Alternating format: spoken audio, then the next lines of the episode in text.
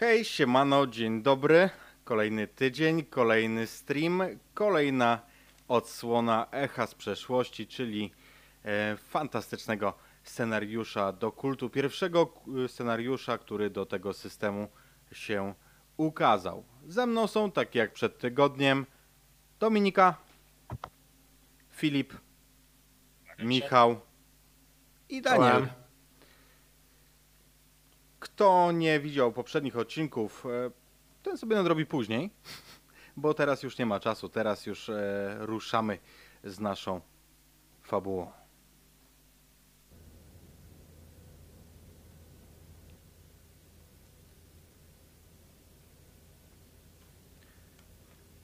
Szanowni Państwo, mówi kapitan Adam Nilsson. Obecnie znajdujemy się na wysokości przelotowej. Za chwilę rozpoczniemy lądowanie na lotnisku de Gaulle'a w Paryżu. Nie mamy żadnych opóźnień i wylądujemy o godzinie 21.15 czasu lokalnego. Pogoda w Paryżu jest ładna, choć synoptycy uprzedzają, że noc może być chłodna. Dziękujemy za wybranie linii Air France i życzymy udanego pobytu, a tym z Państwa, którzy przesiadają się na inne rejsy, przyjemnej podróży. Jesteście na pokładzie wypchanego po brzegi Boeinga. Od ponad dwóch godzin już e, w powietrzu, coraz bliżej do celu waszej wyprawy. Ruszyliście z lotniska Arlanda w e, Sztokholmie jeszcze tego samego dnia, którego podjęliście decyzję o tym, że wyruszacie. Mateo, ty nie wybrałaś się od razu na lotnisko, nawet nie od razu się spakowałaś. Co jeszcze robiłaś? Cóż, trzeba było jeszcze załatwić sprawy w sądzie, żeby można było zostawić na te kilka dni. Potem wróciłam po prostu się spakować, ale cały czas chodziło mi po głowie, że trzeba przeprowadzić pewien eksperyment, bo skoro na Johanie wszystko się tak goi błyskawicznie, trzeba się upewnić, czy, czy nas wszystkich to dotyczy, czy może to tylko jakieś jego zdolności. Nie wiadomo, co on tam przeżył na wojnie.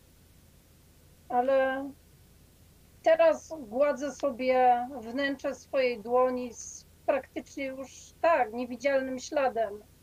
W zasadzie tylko można zobaczyć, jakby komuś o tym powiedzieć, jakby wiedzieć, gdzie szukać.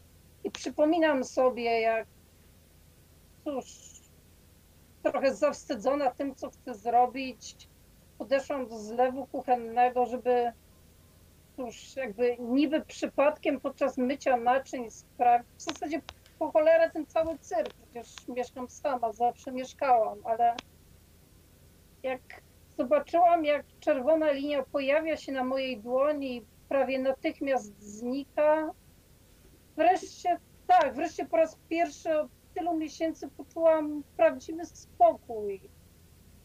Bo nawet przed tym, co się wydarzyło w metrze, no cóż, praca prokuratora ma swoje cienie. Oglądanie tych wszystkich dokumentów procesowych, stała świadomość, jak tak naprawdę człowiek jest słaby, jak kobieta jest słaba fizycznie i co można z nią zrobić. Nadchodzące pogróżki.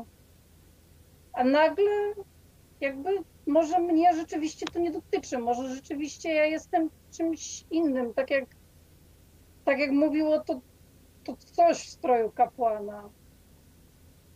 Może rzeczywiście ja jestem tą, która będzie mogła zaprowadzić sprawiedliwość, zaprowadzić bezpieczeństwo. Całą tę podróż mam mętlik w głowie, ale taki jakiś przyjemny. Tylko głaskam sobie te niewidzialne ślady na dłoni. Markus, co ty robiłeś przed wylotem? Miałeś jeszcze jakieś sprawy? E, Miałem w sumie dwie sprawy, które chciałem sprawdzić. E, Podobnie jak e, Matea opowiadała, sprawdzała, czy jest odporna w ten sposób, więc moja postać zdecydowanie to zrobiłem, tak? Wziąłem- Ja się nawet nie cackałem, po prostu poszedłem do kuchni, otworzyłem szafkę, wyciągnąłem nóż i szybkim, zdecydowanym ruchem na ręce ciach. I, i patrzę, co się dzieje. Wiesz, na początku jest to przerażenie we mnie, że przy tym cięciu, co ja właśnie zrobiłem. Prawdopodobnie mogę się nawet wykroić jak debil po prostu w swoim, e, swoim mieszkaniu. E, No ale po chwili ta ręka wraca do stanu sprzed cięcia, ale mój umysł jest dalej po stanie po cięciu. I nachodzi mi myśl w głowie, czy można byłoby mnie otworzyć, wyciąć nerkę i to sprzedawać w nieskończoność. Bo właśnie otworzyłbym fabrykę nerek to byłoby coś niesamowitego. I ile żyć mógłbym uratować? Mógłbym przeszczepić sobie jako dowolny narząd, a on mi się pojawi. Więc to była jakaś myśl, która mi się pojawia w głowie. Jest szalona, ale to wszystko jest szalone, więc jakby dopuszczam sobie to i zaczynam się lekko śmiać. I idę coś po prostu przekąsić, a w międzyczasie po prostu będę chciał udać się do biblioteki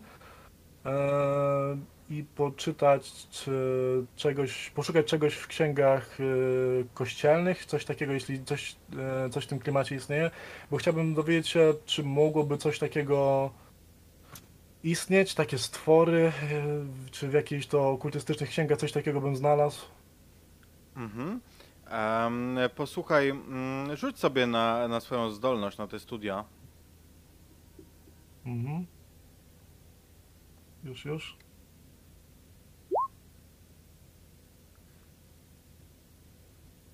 No, powiem ci, że uznałem sukces 16. Mhm. E, Słuchaj, to co dowiadujesz się, chociaż to nie jest dla ciebie jakieś nowe, e, nie pochodzi to z stricte z mm, takiej chrześcijańskiej mitologii, e, z chrześcijańskiego mistycyzmu, a bardziej z żydowskiej kabały. I owszem, e, czytasz o tym, że są stworzenia, różne stworzenia, demony, posłannicy, ale żaden z opisów nie, nie kojarzy ci się z tym, co widziałeś. Oczywiście widzisz te opisy aniołów, które wyglądają tak bardzo inaczej niż opisy, które można zastosować do popularnego wizerunku anioła. Mm, Te, które mówią o wielu parach skrzydeł, o licznych oczach. Ale no nie, o takich stworzeniach nie znajdujesz e, tak szczegółowego opisu. Natomiast Mhm. e, jak najbardziej o tym, że i piekło, i, i absolut mają swoich posłańców, mają swoich nadnaturalnych posłańców, jak najbardziej tak. Że są demony, że są aniołowie i to wiele rodzajów.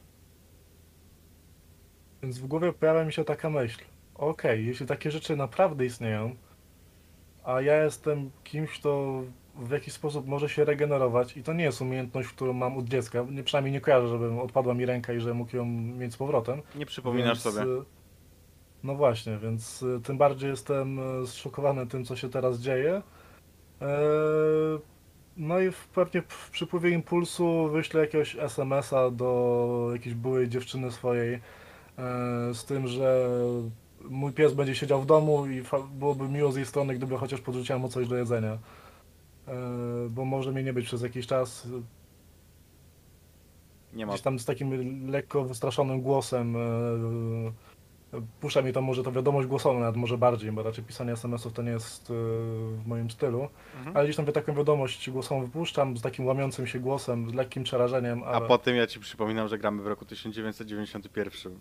faktycznie, e, przepraszam, mój błąd. Ja nie wysłałem, ja nie wysłałem SMS, ja wysłałem tego, list po prostu, tylko po prostu to się tak, kiedyś będzie tak nazywało, nie? Uciekłem, Em, sorry. Okej, sk- skontaktowałeś się z byłą dziewczyną i poprosiłeś o nakarmienie psa, na tym poprzestańmy.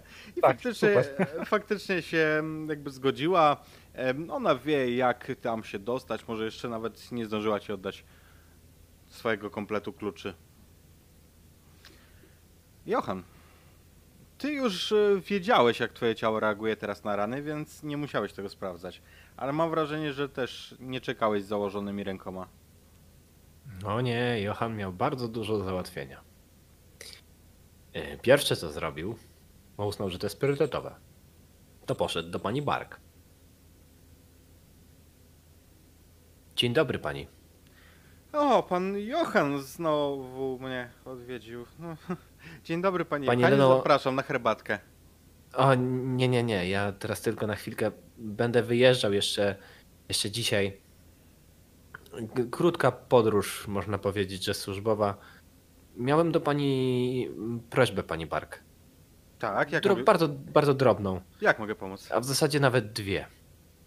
Ale powiązane ze sobą. To nie będzie nic obciążającego. Gdyby pani poczuła się jednak obciążona, ja chętnie u- u- uiszczę wszelkie y, potrzebne y, Och, środki. Niechże pan w końcu to z siebie wydusi, panie Johanie. A, mm, przepraszam. To, to, był, to był e, bardzo zabiegany dzień. Y, Prosiłbym, żeby pani nie wchodziła do mojego mieszkania. Tam, tam nie ma nic, czym trzeba się opiekować. Myślę, że mogę to I- zrobić.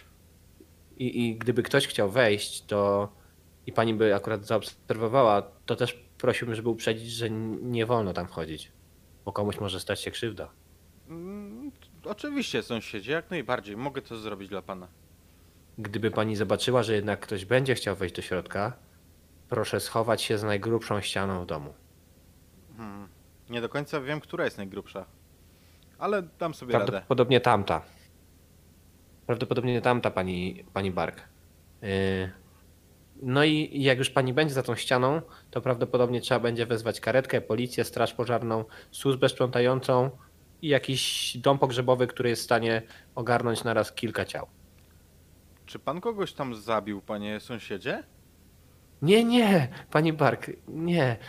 Chodzi o to, że ja mam w domu różne dokumenty, które muszą tam pozostać, więc drzwi pozostawiam zabezpieczone w taki sposób, by nikt niepowołany nie dostał się do środka. Hmm. Wydaje mi się, że granat przy framudze powinien wystarczyć, ale jeszcze nie zdecydowałem. Więc Rozumiem. no uprzedzam, bardzo bym nie chciał, żeby coś się pani stało. Nie do końca obchodzi mnie ktokolwiek chciałby się włamać, więc no sama pani rozumie. Oczywiście, to ja nie będę tam chodzić, panie sąsiedzie. M- Mogę obiecać. O, proszę bardzo, nawet z ręką na sercu. Jest pani niezastąpiona, pani Bark. Naprawdę. A co to w wakacje? Nie, mówił pan, że służbowy wyjazd. Panie Ta- sąsiedzie? Tak, tak. Mo- można tak powiedzieć. Tak, tak. Muszę udać się na chwilę do. na kontynent. Och. No to życzę udanej podróży. Mm, To wszystko zależy, jaki trafi się samolot. Te starego typu, to wspaniałe maszyny, a te nowoczesne, nieprzyjemnie się tym lata. Nie zabieram więcej czasu, pani Bark. Muszę jeszcze wykonać jeden telefon. No, to jeszcze raz wszystkiego dobrego, panie sąsiedzie. Życzę miłego popołudnia. Wzajemnie. I zamyka. Johan wraca do domu. Mhm. I wykręca telefon do, można powiedzieć, starej znajomej. Kimś, z kim kiedyś zdarzyło mu się pracować albo poznać przy jakichś yy, różnych swoich e, licznych podróżach. Mhm. Do pani Blumindotir. Mhm. Hal, halo. Dzień Halo. dobry. Dzień Z dobry. tej strony Johan Barnemark. Mieliśmy okazję kiedyś pracować ze sobą. A, Czy tak, dodzwoniłem się do pani Blumindotir? tak, tak, oczywiście. Pan Johan, dzień dobry. Dzień dobry. Czy pani wciąż y, pracuje w y, służbie kontroli lotów? Zgadza się. O, to się wyśmienicie składa, pani Blumindotyr. Bardzo szybko, to wyjątkowa sytuacja. Możemy przyjąć nawet, że związana z y, wykonywanymi obowiązkami służbowymi potrzebuje mm, zezwolenia na przewiezienie broni oraz y, leków. Oczywiście w bagażu rejestrowanym. No, panie Johanie, no gdyby ktoś inny poprosił, to by się nie dało, ale że to pan do mnie dzwoni, to załatwimy. Załatwimy, będzie czekać. E, Które lotnisko? Y, Z Arlanda. Proszę się. Lecę na Degola. Ja wszystko prześlę faksem. Jasne, proszę udać się później do ochrony na lotnisku na Arlandzie i tam już będzie wszystko czekało. Za chwileczkę to załatwimy. Cudownie. Proszę poz- pozdrowić męża i córkę. Na pewno A nie. Mąż zmarł na raka. To tylko córkę. Myślałem, że tego obecnego męża pan pozdrawia. Dobrze, ale jego wobec tego nie pozdrowię. E, Nie poznałem, więc w sumie nie jestem pewien. Bardzo pani dziękuję, pani Blomindotyr. Y, Niezwykle mi pani pomaga. Nie ma problemu. Odkłada słuchawkę. Nie rzucaliśmy na to, dlatego że Johan ma taką zdolność, ma takie kontakty w lotnictwie, że tak powiem, że nie ma, nie ma problemu. Tak przyjąłem. I miałeś to, faktycznie czekały na ciebie mm, dokumenty na lotnisku, tam gdzie wskazała. Jedyna różnica, jaka jest między tym, co było w papierach, a tym, co ja zabrałem, to broń nie jest służbowa. Nie było, Ale- no, nie było numerów e, broni, absolutnie, także w dokumentach. Tak myślałem, że na panią Blomindotir będę mógł liczyć. Także masz, masz po prostu glade, który, który pozwala ci go przewieźć. Jeszcze jedną rzecz zabieram z domu. Dwa kamienie do whisky. Szare, granitowe kamienie do whisky. Wkładam je luzem w kieszeń. Lecę w tej samej kurtce, w której byłem poprzedniego dnia w metrze i u Petera. Także nie do końca Nie wycieram czystej. jej. Nie do końca Tak, czystej no- i ubabranej krwią. Y, Wiesz co, nie, jednak nie. Johanowi to będzie przeszkadzało. On wyciera te wymiociny. Ale tylko to. Brzmi rozsądnie. Także wytarłeś wymiociny, których nabawiłeś się na kurtce w tunelu. Krew tam została, jakoś krew mniej ci przeszkadzała. Czym miałaby mi przeszkadzać? I z tą myślą dotarłeś na lotnisko. Teraz Mhm. siedzicie wszyscy stłoczeni w tym e, samolocie. No cóż, to nie jest taki najmniejszy e, samolocik, w związku z czym nie ma może jakiegoś, jakiegoś koszmaru, jeżeli chodzi o miejsce na nogi. Natomiast mimo wszystko czujecie ten dyskomfort. Johan, ty akurat siedzisz e, obok Markusa. E, Po drugiej stronie przejścia e, są Peter i Matea. Jak spędzacie ten lot? A Peter? A nie powiedziałem, że Peter i Matea siedzą po drugiej stronie przejścia? Nie, nie, nie. Pytam o Petera, czy on coś jeszcze nie działał w domu. A, przepraszam, że pominąłem cię, Filip. Oczywiście, że to pytanie zadaję również. Grzecznie, grzecznie czekała na swoją kolej. Um, tak, chciałem e, zrobić dwie rzeczy. Poczułem bardzo wyraźnie, że wraz e, ze śmiercią Leonory pewien etap dobiegł końca. To nie tylko osoba, w której ulokowałem jakieś swoje uczucia, ale to też była osoba, która dawała mi jakieś poczucie mm, tego, że mogę odzyskać kontrolę.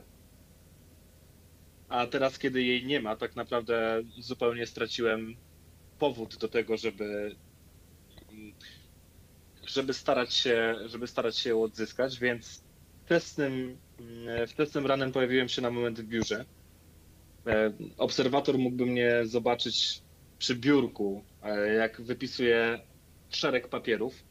To są wszelkiego rodzaju pełnomocnictwa do podejmowania decyzji, e, do decyzji finansowych, do zawierania umów. Wszystkie te pełnomocnictwa wypisuję Erikowi, mojemu wspólnikowi. Nadto na ten plik papierów kładę jedną karteczkę, gdzie wypisuję taką prywatną notatkę, kilka słów tylko dla niego i on pewnie to przeczyta, kiedy przyjdzie do biura. Zostawię to i pewnie nie niepokojony przez nikogo, bo jest wczesna godzina, wyjdę z biura i pojadę na chwilę do, do siebie, do domu. Pakuję się do walizki, zabiorę tak naprawdę tylko trochę gotówki, e, trochę ubrań na zmianę. Zabiorę jeden ze swoich gadżetów i upchnę go gdzieś głęboko e, do walizki. E, I najważniejsza rzecz, upewnię się, upewnię się, że ten pilot do telewizora, który dostałem od demonicznego biskupa, on jest gdzieś przy mnie. Mam go schowany w kieszeni spodni. Sprostuję tylko, że to nie był, on nie był ubrany jak biskup, tylko jak zwykły ksiądz szeregowy.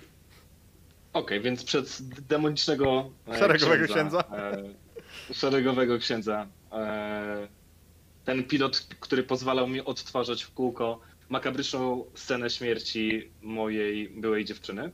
Mhm. Mieszkanie zleciłem jego sprzedaż. E, Zostawiłem wszelkie papiery potrzebne agencji nieruchomości, przez którą zresztą jakiś czas temu to mieszkanie nabyłem. E, W zasadzie nie, nawet nie zdążyłem jej odpowiedzieć, jaka jest moja oczekiwana cena. Po prostu powiedziałem, pani Aniko, niech pani robi z tym, co pani chce. Tutaj jest zestaw kluczy. I pognałem na lotnisko z takim przeświadczeniem, że tak jak w Paryżu cała ta historia się w pewien sposób dla mnie zaczęła, tak i w Paryżu będzie musiała się skończyć. Okej, miała dziwny głos, kiedy, kiedy zaczęła zadawać ci pytania, no ale nie dostała nigdy odpowiedzi. Ty po prostu już miałeś co innego w głowie. Zgadza się. I teraz siedzisz obok Matei w samolocie. Jak mija wam podróż? Matej, jedno pytanie. Mm. E, Jestem bardzo spostrzegawczy i, e, i, i- i bystry. Taka percepcja i dostrzeganie detali w otoczeniu to jest jeden z moich czołowych talentów, jeśli nie największy. Myślę więc, że spostrzegłem e, to, jak sama patrzysz na swoją dłoń. Szturchnę cię więc, szturchnę cię więc lekko łokciem i zapytam, próbowałaś? Próbowałam i to naprawdę działa. Cholera, nie wiem co tu się dzieje, ale to wszystko zaczyna mieć sens, nie? Jakby tak pomyśleć, to wszystko, co wcześniej przyjmowaliśmy za normalne, że nie mamy żadnych wspomnień. Tak, cholera, nagle ze Szwecji znaleźliśmy się w Paryżu imprezować z Jimem Morrisonem, totalnie nie miało żadnego sensu. To cholera, wszystko rzeczywiście mogło być częścią czegoś czegoś więcej, nie? Wiem, że, wiem, że to cholernie durnie brzmi. Jeszcze nie wiem, z tydzień temu bym cię wyśmiała, jakby mi ktoś coś takiego powiedział, ale no ale teraz chyba trzeba założyć, że to, to ma jakiś sens. Kiedy to już wszystko się skończy, to do czego my będziemy potrzebni? Nie wiem, ale cholera, jeśli założymy, że że Jim Morrison jest czymś, co stoi za zamachami w metrze, jakkolwiek kretyńsko to brzmi, no to jakoś trzeba to powstrzymać, nie? Był taki spięty i zestresowany, ale jak usłyszał to zdanie, że Jim Morrison stoi za zamachami w metrze, to mimowolnie zaczął się śmiać. Rzeczywiście brzmi to dosyć absurdalnie. Ja się uśmiecham, no bo to ze wszystkich dziwnych teorii, które czasem ludzie mówią, no to totalnie nie ma sensu. Ale no, cholera, no, powiedziało nam to coś, co zdecydowanie nie było człowiekiem, a jednak nas znało. Mało tego, rozmawiało trochę jak równy z równym. Może możemy być jak równy z równym z tym czymś.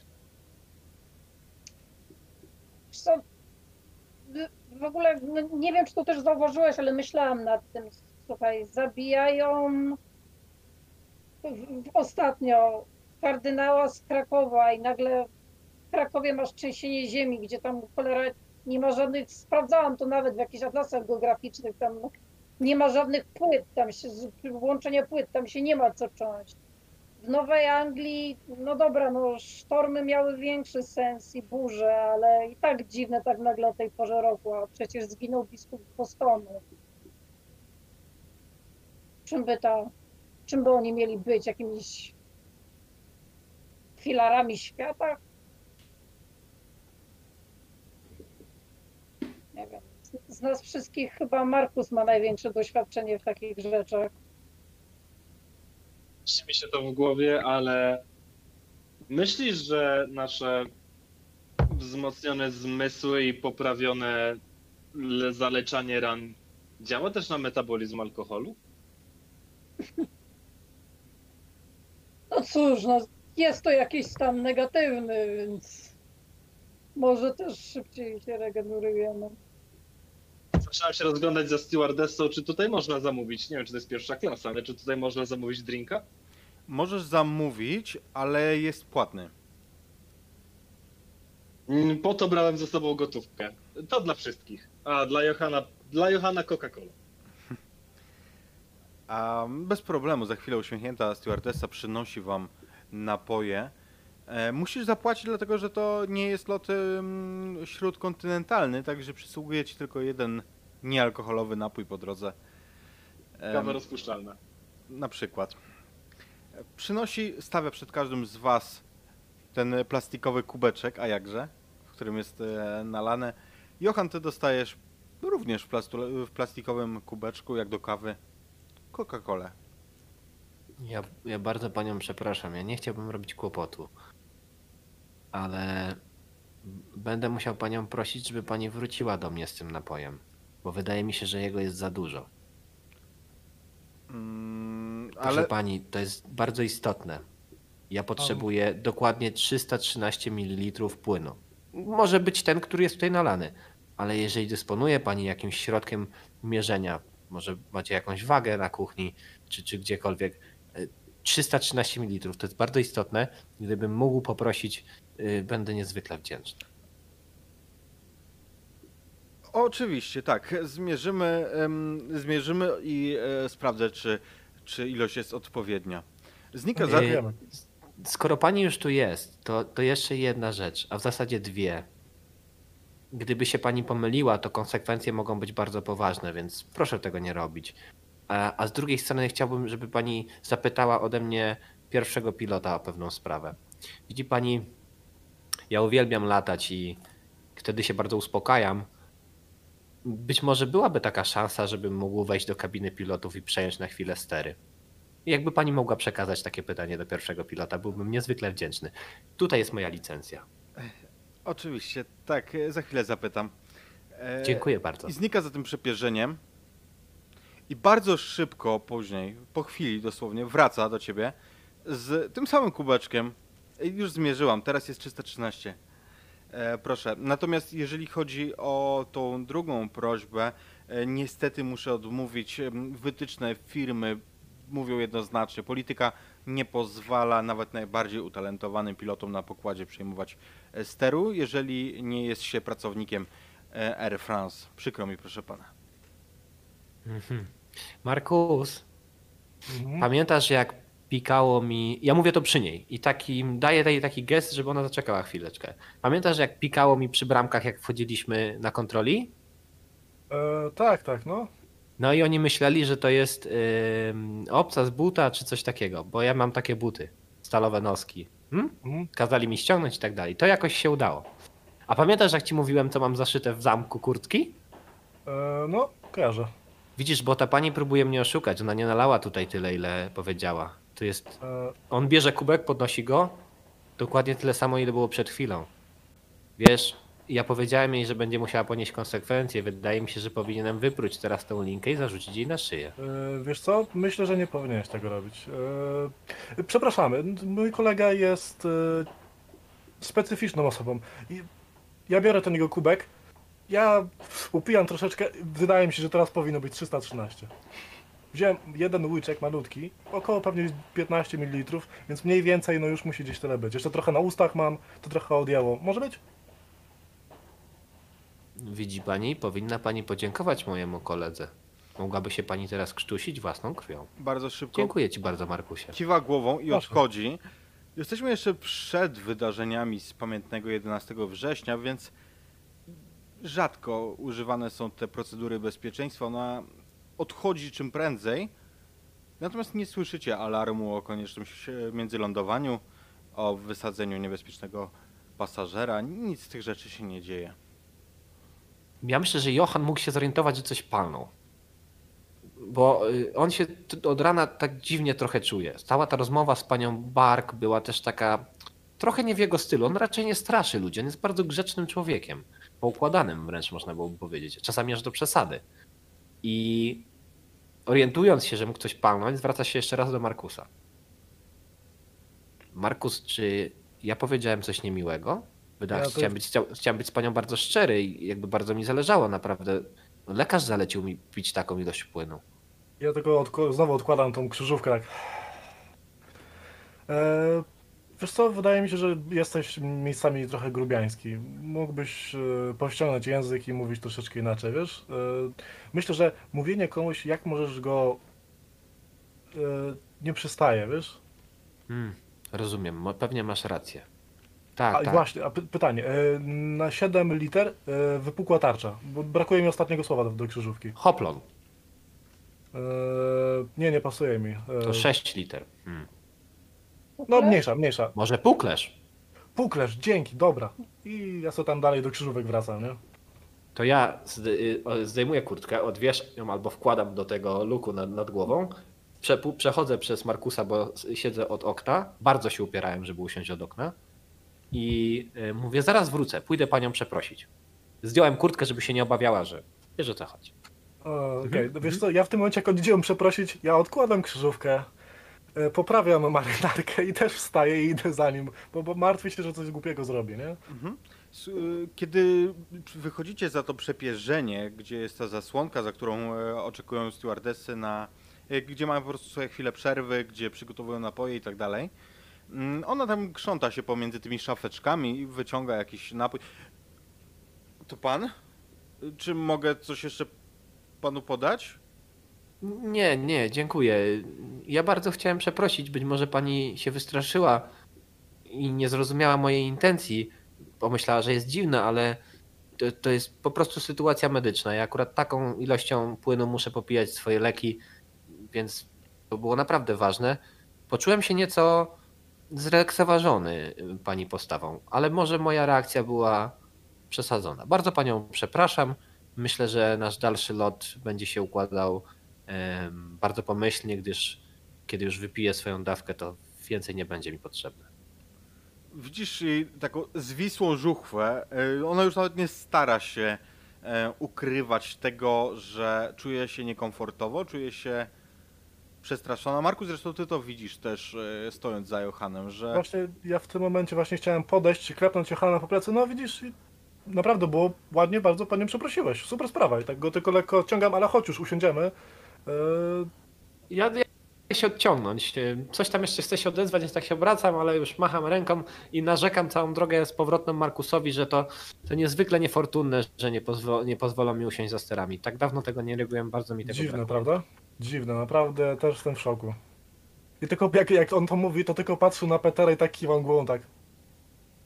Widzisz, chyba nie masz za dużego pojęcia, Markus, o lataniu. Tak naprawdę większość lotu odbywa się w dużej części mm, w ramach pewnego mm, oprzyrządowania, które tak naprawdę należy tylko Tak. kontrolować i, i, i nie ma zbyt dużej ingerencji przy tak dużych maszynach i przy tak dalekich lotach w to, jak ten, lot przebiega. Więc tak naprawdę to, co mm, mógłbym zrobić, to w zasadzie usiąść na tym fotelu i po prostu popatrzeć na te zegary, którymi dawno się już nie widziałem. Mam super pomysł. Może usiądziemy na naszych miejscach, opowiesz mi jak się pilotuje samolot, jak to wygląda z swojej strony i jakoś tam minie, minie w miarę miło czas.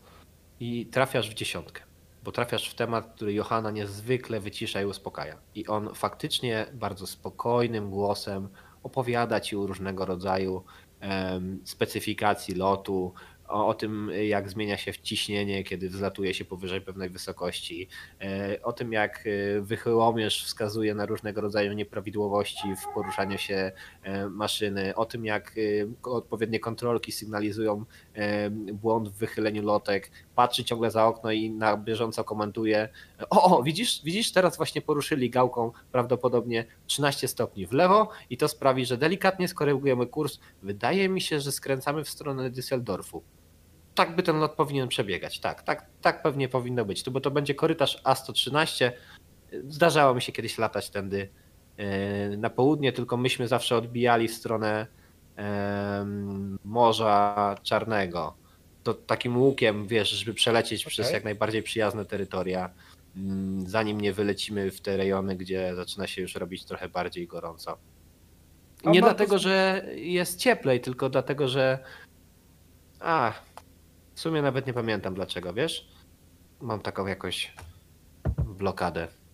A Markus, w międzyczasie jak ty opowiadasz te swoje te historie lotu i tak dalej, to faktycznie na początku gdzieś tam krzyżówka była, no ale jak coraz bardziej cię słuchał, to w sumie w końcu schował tą krzyżówkę, długopisik kliknięty, schowany w mankie, e, znaczy w ki- kieszonkę, tak tutaj i faktycznie słuchał cię, nie? To gdzieś tam przytakiwał, zadawał pytania, jeśli coś go bardziej zainteresowało, tak wciągnął się w to, bo to w sumie było w miarę ciekawe, więc...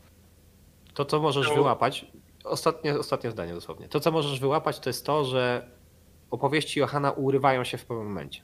im dalej na południe się posuwa, tym one się robią coraz mniej szczegółowe i mimo tego, że on doskonale zna niebo europejskie, nie tylko latał jako pasażer wiele, ale również jako pilot, to im dalej jest na południe, tym one się robią mniej szczegółowe, tak jakby gdzieś urywała się ta historia.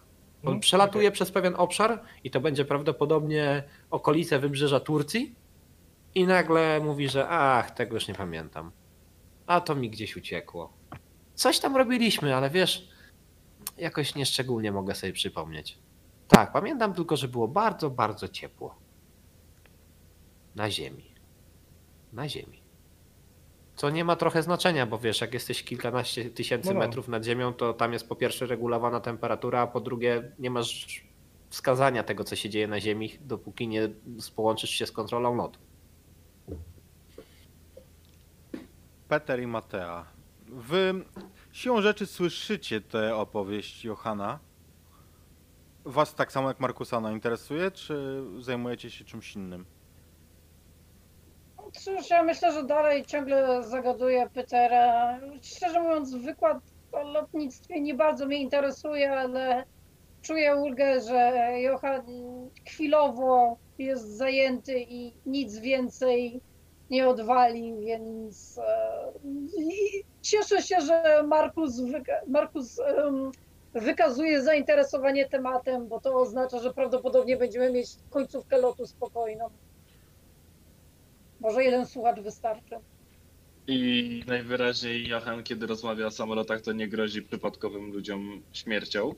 Tak. Natomiast e, pokrzepiony trochę pogawędką z Mateą i e, odrobiną alkoholu Peter e, zacznie e, jakby w reminiscencji do podróży pociągiem zacznie się w którymś momencie rozglądać po współpasażerach. E, zacznę szukać wzrokiem rzeczy nietypowych, jakichś znaków typu ten dziwny kształt, y, ta dziwna gwiazda, którą widzieliśmy w pociągu, a być może gdzieś jakiś przemykający w rogu e, samolotu e, kształt przypominający zwierzę, takie, Mhm. które widzieliśmy w pociągu. Widzę coś niepokojącego? Wiesz co, nie, zupełnie nie. Miny pasażerów są znudzone. Nie widzisz nigdzie tych okultystycznych znaków. Przez chwilę przysiągłbyś, że za oknem widziałeś twarz. Widziałeś parę żółtych oczu, które się w ciebie wpatrywały. Ale kiedy wróciłeś e, wzrokiem do tego miejsca, to nie, przywidziało ci się. Widok od, e, powidok od słońca. Faktycznie W takim razie- jest już e, chwilę po zachodzie. Jest, jest dosyć e, ciemno. Widziałeś jakby w mroku, ale przecież to musi być, musiał być jakiś refleks światła z wewnątrz, coś takiego.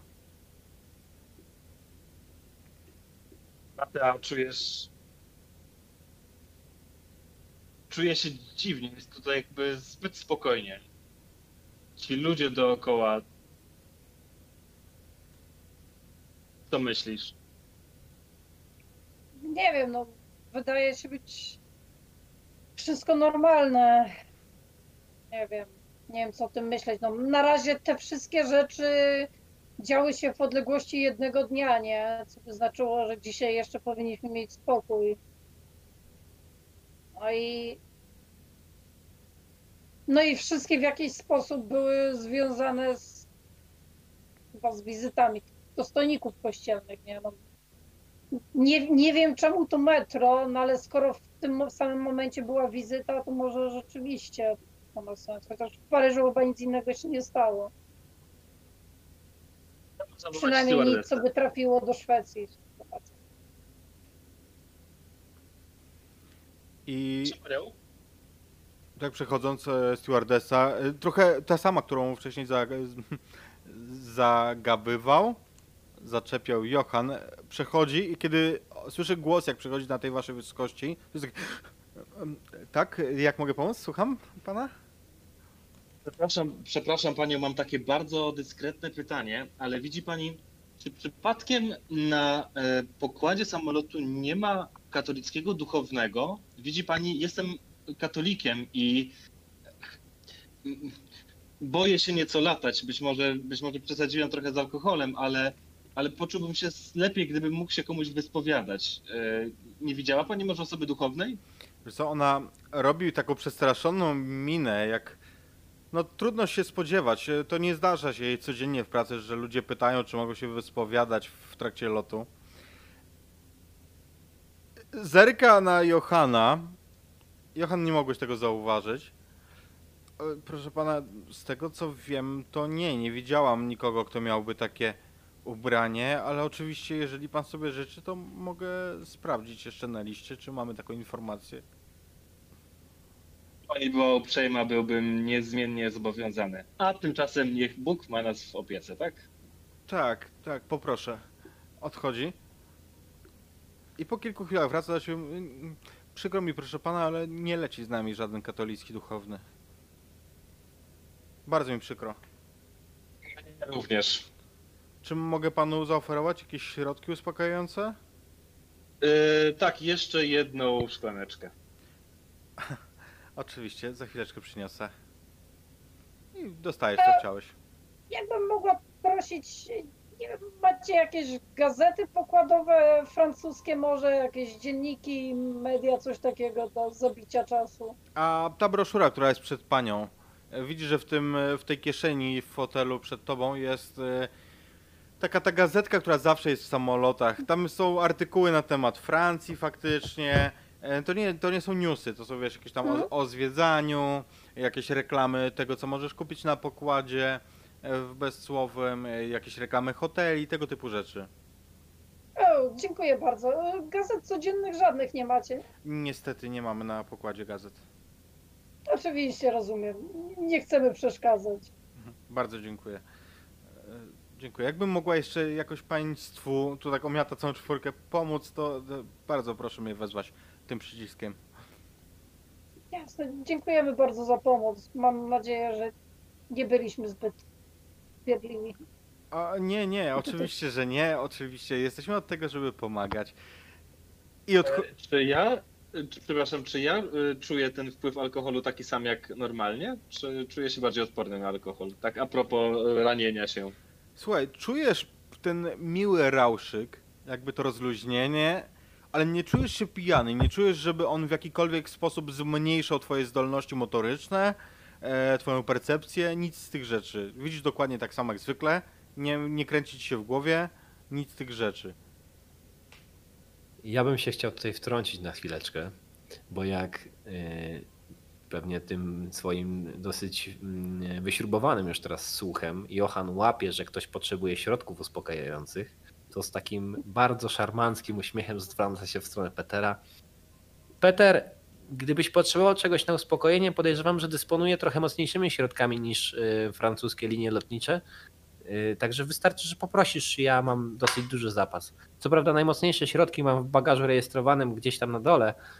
Tam będzie dosyć trudno się dostać, wiesz, te awaryjne włazy są dosyć małe i podejrzewam, że stewardessa nie byłaby zadowolona, gdybyśmy chcieli się tam przecisnąć. O ile w ogóle w tym modelu da się to zrobić, ale w sumie nie latałem tym, więc nie wiem. Mm, No ale pod ręką mam też co nieco, także nie krępuj się. Ja czując się nieco rozbawiony i, i rozochocony tym, tym alkoholem, odpowiadam Johanowi, jestem przekonany, że dałbyś radę przepiłować się do tego włazu awaryjnego. E, Oczywiście, że tak. Przecież mam ze sobą piłę. nie będzie niezbędne. Spoko. Nie, nie, nikomu nie, ale mam całe opakowanie. On wyciąga taką tą pomarańczową, charakterystyczną fiolkę prozaku. Gdybyś chciał, to E, on nie powinien tego brać, wiesz? nie? Nie, Lekarz nie. mówił, że to y, lek, który wpływa na produkcję serotoniny. Powinien wtedy się trochę bardziej uśmiechać. Peter jest jakiś przykroczony.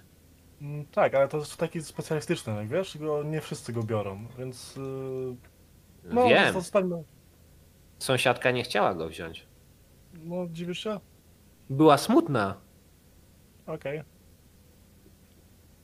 Wiem, ja po prostu lubię się dzielić i pomagać ludziom. W międzyczasie Bardzo odchodzi bardzo profesjonalnie, chociaż troszeczkę szybszym krokiem niż normalnie. Ale nie komentuje tego, co usłyszała. nie zdradza poza tym żadnych objawów strachu. Ja mam jeszcze jedno pytanko, mechaniczne. Czy ze względu na te opowieści e, Johana, które no niewątpliwie trochę go uspokajają, możemy ściągnąć stabilność? Myślę, E, po- że- znaczy myślę że tak, że o tym jak mówi, po tym jak e, mówiłeś e, Markusowi o lataniu, a on słuchał twojej wypowiedzi, twojej opowieści, możesz sobie podnieść oraz stabilność. To tak dla wiadomości widzów, Johan jest już nie irracjonalny, a jedynie zatrwożony. Właśnie ja chciałem zapytać, czy, czy ogólnie ta, ta scena nam jakoś nie powinna nas trochę uspokoić, bo czujemy teraz taką jedność między sobą, jesteśmy drużyną i, i wspól, wspól, mamy pewną wspólnotę doświadczeń i ogrywamy je na wesoło mimo wszystko te, te, te, te straszne historie. Hej, jako że gramy w poniedziałek, to tak najlepszy tydzień, proszę bardzo. Wszyscy o raz, a Johan o dwa. U, fajnie. Jestem tylko zaniepokojony, więc. Filip, to, uratowałeś trochę swoją sytuację, bo y, Johan już jest na jednym poziomie mniej. Więc to dużo zmienia. słyszycie to pum, tą e, jakby, to, że włączyła się kontrolka, zapiąć pasy. No i słyszycie standardowy komunikat. Szanowni Państwo, z tej strony kapitan. e, Niedługo rozpocznie się lądowanie w Paryżu na lotnisku Charles de Gaulle'a. Prosimy zapiąć pasy i pozostać e, na swoich miejscach do końca naszej podróży. Dziękuję bardzo. I po drodze te wszystkie komunikaty, które między sobą e, nadaje, e, nadaje obsługa kabinowa, których, e, której nigdy nie da się zrozumieć. Oni mówią tak szybko i tak w taki sposób, że nigdy nie wiadomo co mówią. Ale no cóż. Lądujecie. Co w Paryżu? Cmentarz? Zasadzie Ja bym najpierw udał się na plac Bastylii. Mhm, Chociaż-. Szczerze mówiąc, to mam jeszcze jeden pomysł. Hmm? Ale to zależy od tego, czy bardzo się śpieszymy. Bo wydaje mi się, że byłoby całkiem miło. Może się mylę, wiecie, ja nie jestem zbyt dobry w tych wszystkich socjalnych sprawach. Nawet nie mam za bardzo z kim ich trenować. Tak się mówi? Trenować? Nie, nie, nie jestem do końca pewien. Możliwe. Y, W każdym razie na Saint Louis znam bardzo mm, taką przyjazną i kameralną kawiarenkę. Wiecie, to jest ta wyspa na, na rzece. Wyjątkowo malownicza i urokliwa i tam mm, no może być troszeczkę drogo, ale powinno być dość cicho i spokojnie. Jesteśmy już po sezonie. Ona się nazywała Ojejku. Róż? To takie nawiązanie do Moulin Rouge, ale y, to chyba tak, to chyba jakoś tak brzmiało. Ja, ja bym proponował jeszcze udać się do katedry Notre Dame. Moglibyśmy może. No, katedra tak. To jest bardzo niedaleko.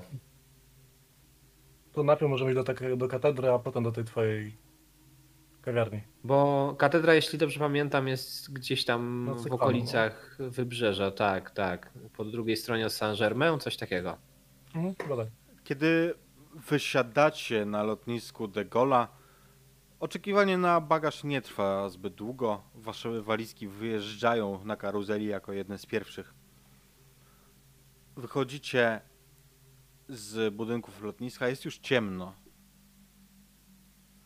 Faktycznie, tak jak mówił pilot, jest chłodno, ale nie jakoś bardzo zimno. To nie jest taki chłód przejmujący, nieprzyjemny.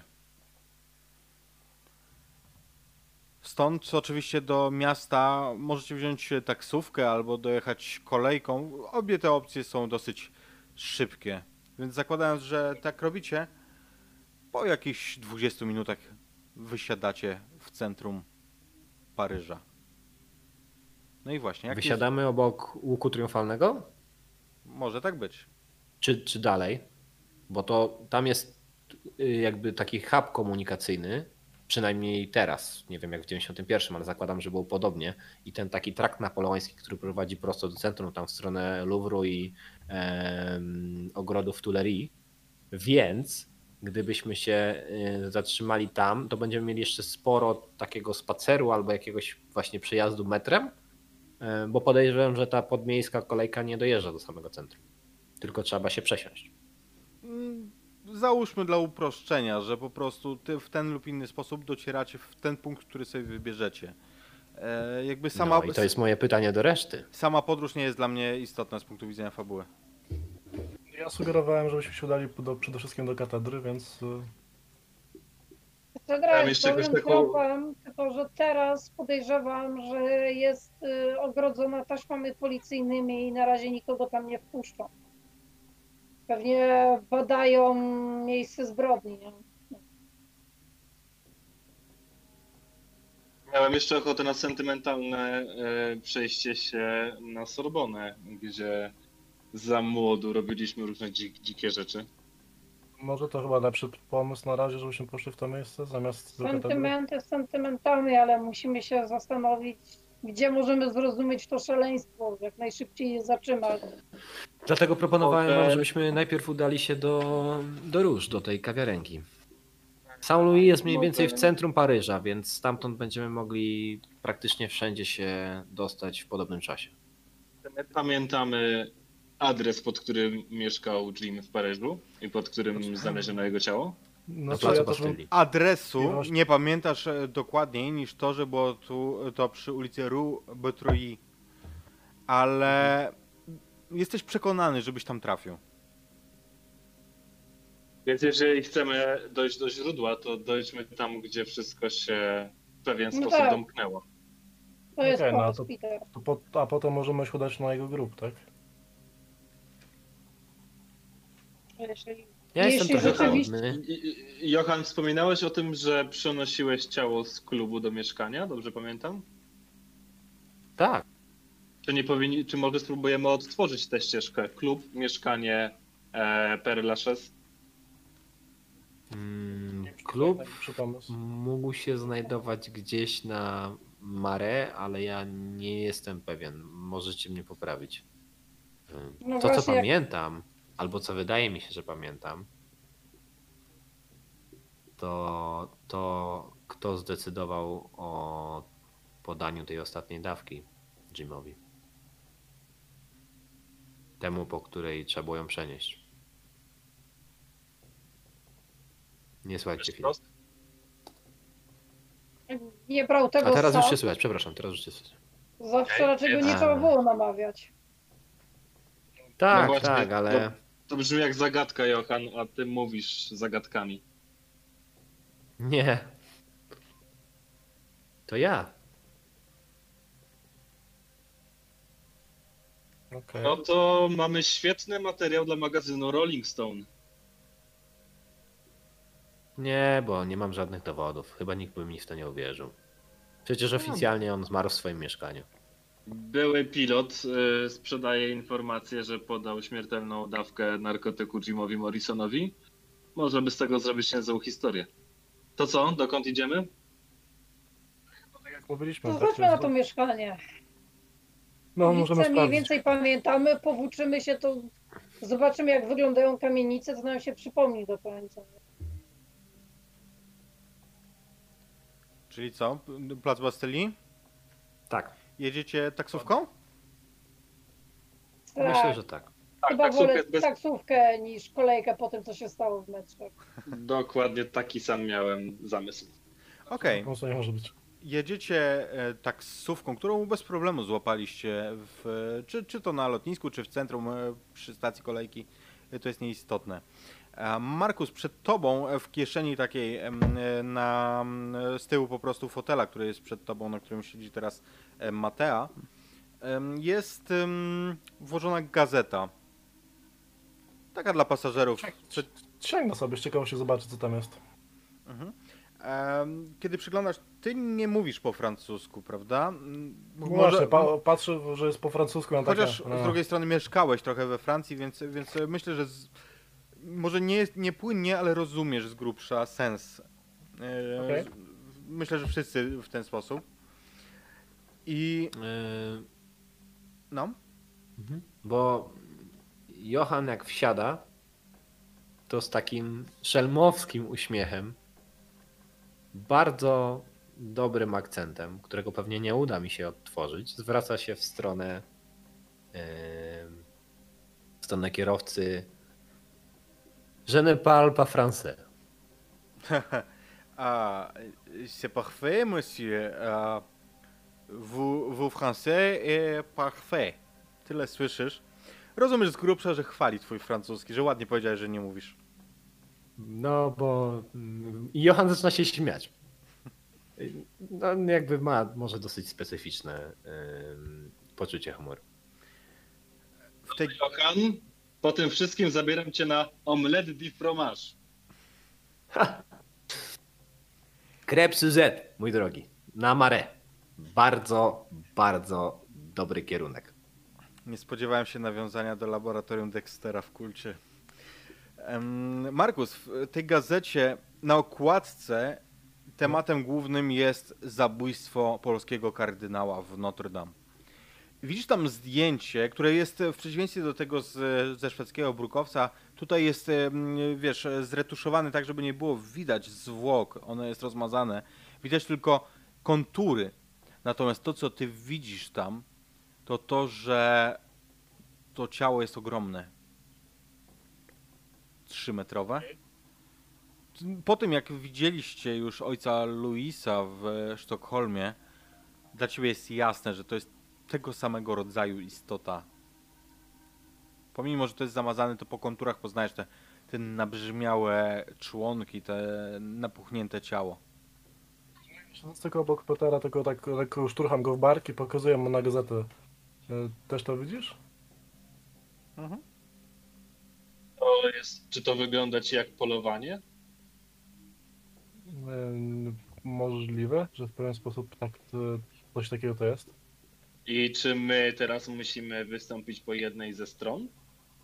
E, o to samo chciałem Cię zapytać, e, bo wydaje mi się, że od momentu, w którym siedzieliśmy w, e, w sali przesłuchań, dostaliśmy jasny kierunek. Albo jesteśmy po jednej stronie, albo po drugiej. No właśnie, ale jeśli jesteśmy po stronie naszych wspaniałych duchownych, to jesteśmy tylko narzędziem, tak? A jeśli jesteśmy po stronie drugiej, no to możemy być pierdzielonymi terrorystami. Myślę, że to za wcześnie jeszcze, żeby wyciągać jakieś wnioski. A co, co wy myślicie? No cóż, no mówimy po szwedzku, więc się czuję na tyle swobodnie, żeby o tym rozmawiać. No cóż, no nie mam za wielkiej sympatii do tych ozorzastych stworzeń, ale jak na razie one nikogo nie zabiły. Że my o tym nie wiemy, że kogoś zabiły. No a o drugiej stronie już wiemy. Jeśli rzeczywiście Może- obie strony chcą z nami rozmawiać, jeśli z jedną z tych stron kiedyś się nie przyjaźniliśmy, zobaczmy jak to a, wygląda. a, a po czyjej stronie były te diabelskie psy? No na pewno nie po Morrisona. stronie księży. No raczej tak. Ale to Z one drugiej nas, strony, nas, ale Johan, one nas oszczędziły i nam oddały swego rodzaju pokłon ci kultyści, czy cholera wie co tak, to było. bo tak jak twierdził Padre Luis, Morrison będzie chciał nas zwerbować. Przypomnieć o sobie, żebyśmy do niego wrócili. Znaczy, Nie mam do końca pewności, w jakim sensie mówimy to o powrocie. Czy my od niego przeszliśmy tam, czy przeszliśmy stamtąd do niego. Bo nie wiem. Ale na pewno nie zgodzę się z Mateą a propos tego, że Kościół nikogo nie zabił. W twojej historii zabił setki ludzi. Powiedzenie, że to traktowałbym jako dość potężny eufemizm. Z drugiej strony, tak jak rozmawiałem z lekarzem a propos dwoistości bytu, tak naprawdę podejrzewam, że nie ma znaczenia, która strona będzie zabijała ludzi. Mm. Gdyby się tak okazało, że jesteśmy boskimi posłańcami, to przypomnijcie sobie, co mówi Ewangelia świętego Jana w Księdze Apokalipsy o sądzie ostatecznym. No tak. No, tylko Pan zejdzie z krzyża i ukara wszystkich grzeszników. Być Ale może i- naszymi rękoma. No ale jedna strona jeszcze z tego krzyża schodzić nie zaczęła, nie? Znaczy, p- spróbujmy zrozumieć trochę to inaczej, moim zdaniem. E, obie strony nie atakowały nas, obie strony darzą nas szacunkiem. Wydaje mi się, że e, jeśli ktoś to ma rozdawać jakiekolwiek karty, to jesteśmy tutaj my. Tylko pytanie, musimy zrozumieć, czym tak naprawdę jesteśmy, żeby wiedzieć, czy, co możemy rozdawać. Skoro wszyscy chcą z nas ko- skorzystać albo nas, nas zwerbować, no to po coś tu jesteśmy, tak? Co myślisz w stanie, że jesteśmy, że możemy zaorać i jednych i drugich? Tego nie mówię, bo nie wiem, naprawdę nie mam zielonego pojęcia, co my tutaj robimy tak naprawdę. A co zrobisz, się Markus? udało, to chyba byłoby najlepsze wyjście. ale- Co zrobisz, Markus, jak spotkasz się z Jimem? Co mu powiesz? Co, to jest tak absurdalne pytanie, że nie jestem w stanie ci na nie odpowiedzieć z logicznego punktu widzenia, bo to tak jakbyś mnie zapytał, e, co bym zrobił, gdybym przyłapał świętego Mikołaja, Mikołaja na jedzeniu ciastek. No, Ale przecież Padre Louis powiedział, że Morrison w nowym wcieleniu chodzi po tym mieście i każe mówić do siebie Michel. Ale mimo wszystko jakby wierzę w to wszystko, co się dzieje, ale jak mam jakieś takie straszne, oddzielam się od tego, bo e, nie wiem, w jakiś sposób mnie to chyba przeraża. E, powinniśmy chyba troszeczkę bardziej e, uważać na to, co robimy i komu ufamy i żebyśmy nie popadli zbyt bardzo w to, do czego zmierzamy. Samochód się Pytanie- zatrzymał. W trakcie tej rozmowy, zaraz dokończymy to, co, się, co mówicie. Samochód się zatrzymuje. Kierowca mówi: Ewula. Plac Bastylii. Śmiałam się, rzucam, rzucam jakiś napiłek i wychodzę. Excusez-moi, euh, euh, où puis-je trouver le magasin le, de munitions le plus proche? Gość przekrzywia głowę, starając się ogarnąć, w jakim języku do niego mówisz. Excuse moi, Ja ja już bardzo dawno nie mówiłem po francusku, więc na pewno Johan strasznie pokaleczył, ale on właśnie zapytał po francusku, gdzie znajdzie najbliższy sklep z amunicją. A, hmm. Nie wiem, odpowiada ci po francusku. Wybaczcie, uczyłem się francuskiego w liceum, ale nie pamiętam. Nie odpowiadam ci po francusku więcej. Em, Ja mam ściągawkę. em, nie mam pojęcia, proszę pana. Nie wiem. Ja. Domasz. rozum- rozumiejąc piąte przez dziesiąte, o co zapytał Johan, e, pytam się Markusa, czy on sobie przygotował szwedzko-francuskie rozmówki o amunicji? Ale zdziwiło cię to? Tak szczerze, zdziwiło cię to? Jakie rozmówki? Ja mieszkałem tu dwa lata, mówię po francusku. No już nie tak Co? pięknie jak kiedyś pewnie, ale... No pewnie, tak. Próbowałeś ale... kiedyś przetworzyć szwedzki as, a, e, akcent na francuski? Nasze Ogen Dogen Jogen Bogen na ich Parlez-vous français? No jest spokój. to komiczne całkiem. Jeszcze z moją szczęką? Ach. Zawsze mówiłem, jakby mi ktoś nadepnął na ucho. No szkoda. Trudno, będzie musiał Jogen wystarczyć. Dogen, p- mówiłem ostatnio, że ograniczam mięso, ale tutaj podają bagietki z foie gras, więc y, ja stawiam. Okej. To, ty, Saint-Louis jest bardzo niedaleko. Dosłownie dwa przystanki, parę kroków. Więc jak załatwimy sprawę tu, będziemy mogli pójść tam. Zresztą. ym, chociaż nie, bo będziemy musieli się wrócić. Perla 6 jest w drugą stronę. No sami zdecydujecie. Ja i tak jestem głodny, zjadłbym coś. Ta bagietka nie brzmi No to wcale nie będzie ta tak źle. bagietka, zjedzmy sobie. Przy placu Bastylii so, są jakieś e, knajpki, jakieś tego typu miejsca, więc bez problemu możecie wejść, jeżeli macie taką potrzebę. Ale- No, myślę, że myślę, że sobie na chwilę siądziemy, żeby zobaczyć, jaki jest, jaki jest klimat w mieście. Czy ludzie wyglądają na pogodnych? Chciałbym się tak zrobić taki people, people watching e, i zobaczyć, czy widzę jakiś niepokój, jakieś, nie wiem, ludzie są wstrząśnięci tym, tą historią z Notre Dame. Nie, jeżeli wiesz, jeżeli pytasz, jeżeli szukasz grup ludzi, którzy stoją na, e, wiesz, na mm, rogach ulic i rozmawiają, e, szepcąc coś w podekscytowaniu, mówiąc, że czarny pan nie żyje, a przeżył tylko mały chłopiec, to nie, nie, nie ma takich grup. Nie, no, to normalnie przechodnie, wiesz, jakby zajęci są swoimi sprawami. A to był ten rok. Coraz mniej mi to, coraz mniej mi to wygląda na apokalipsę.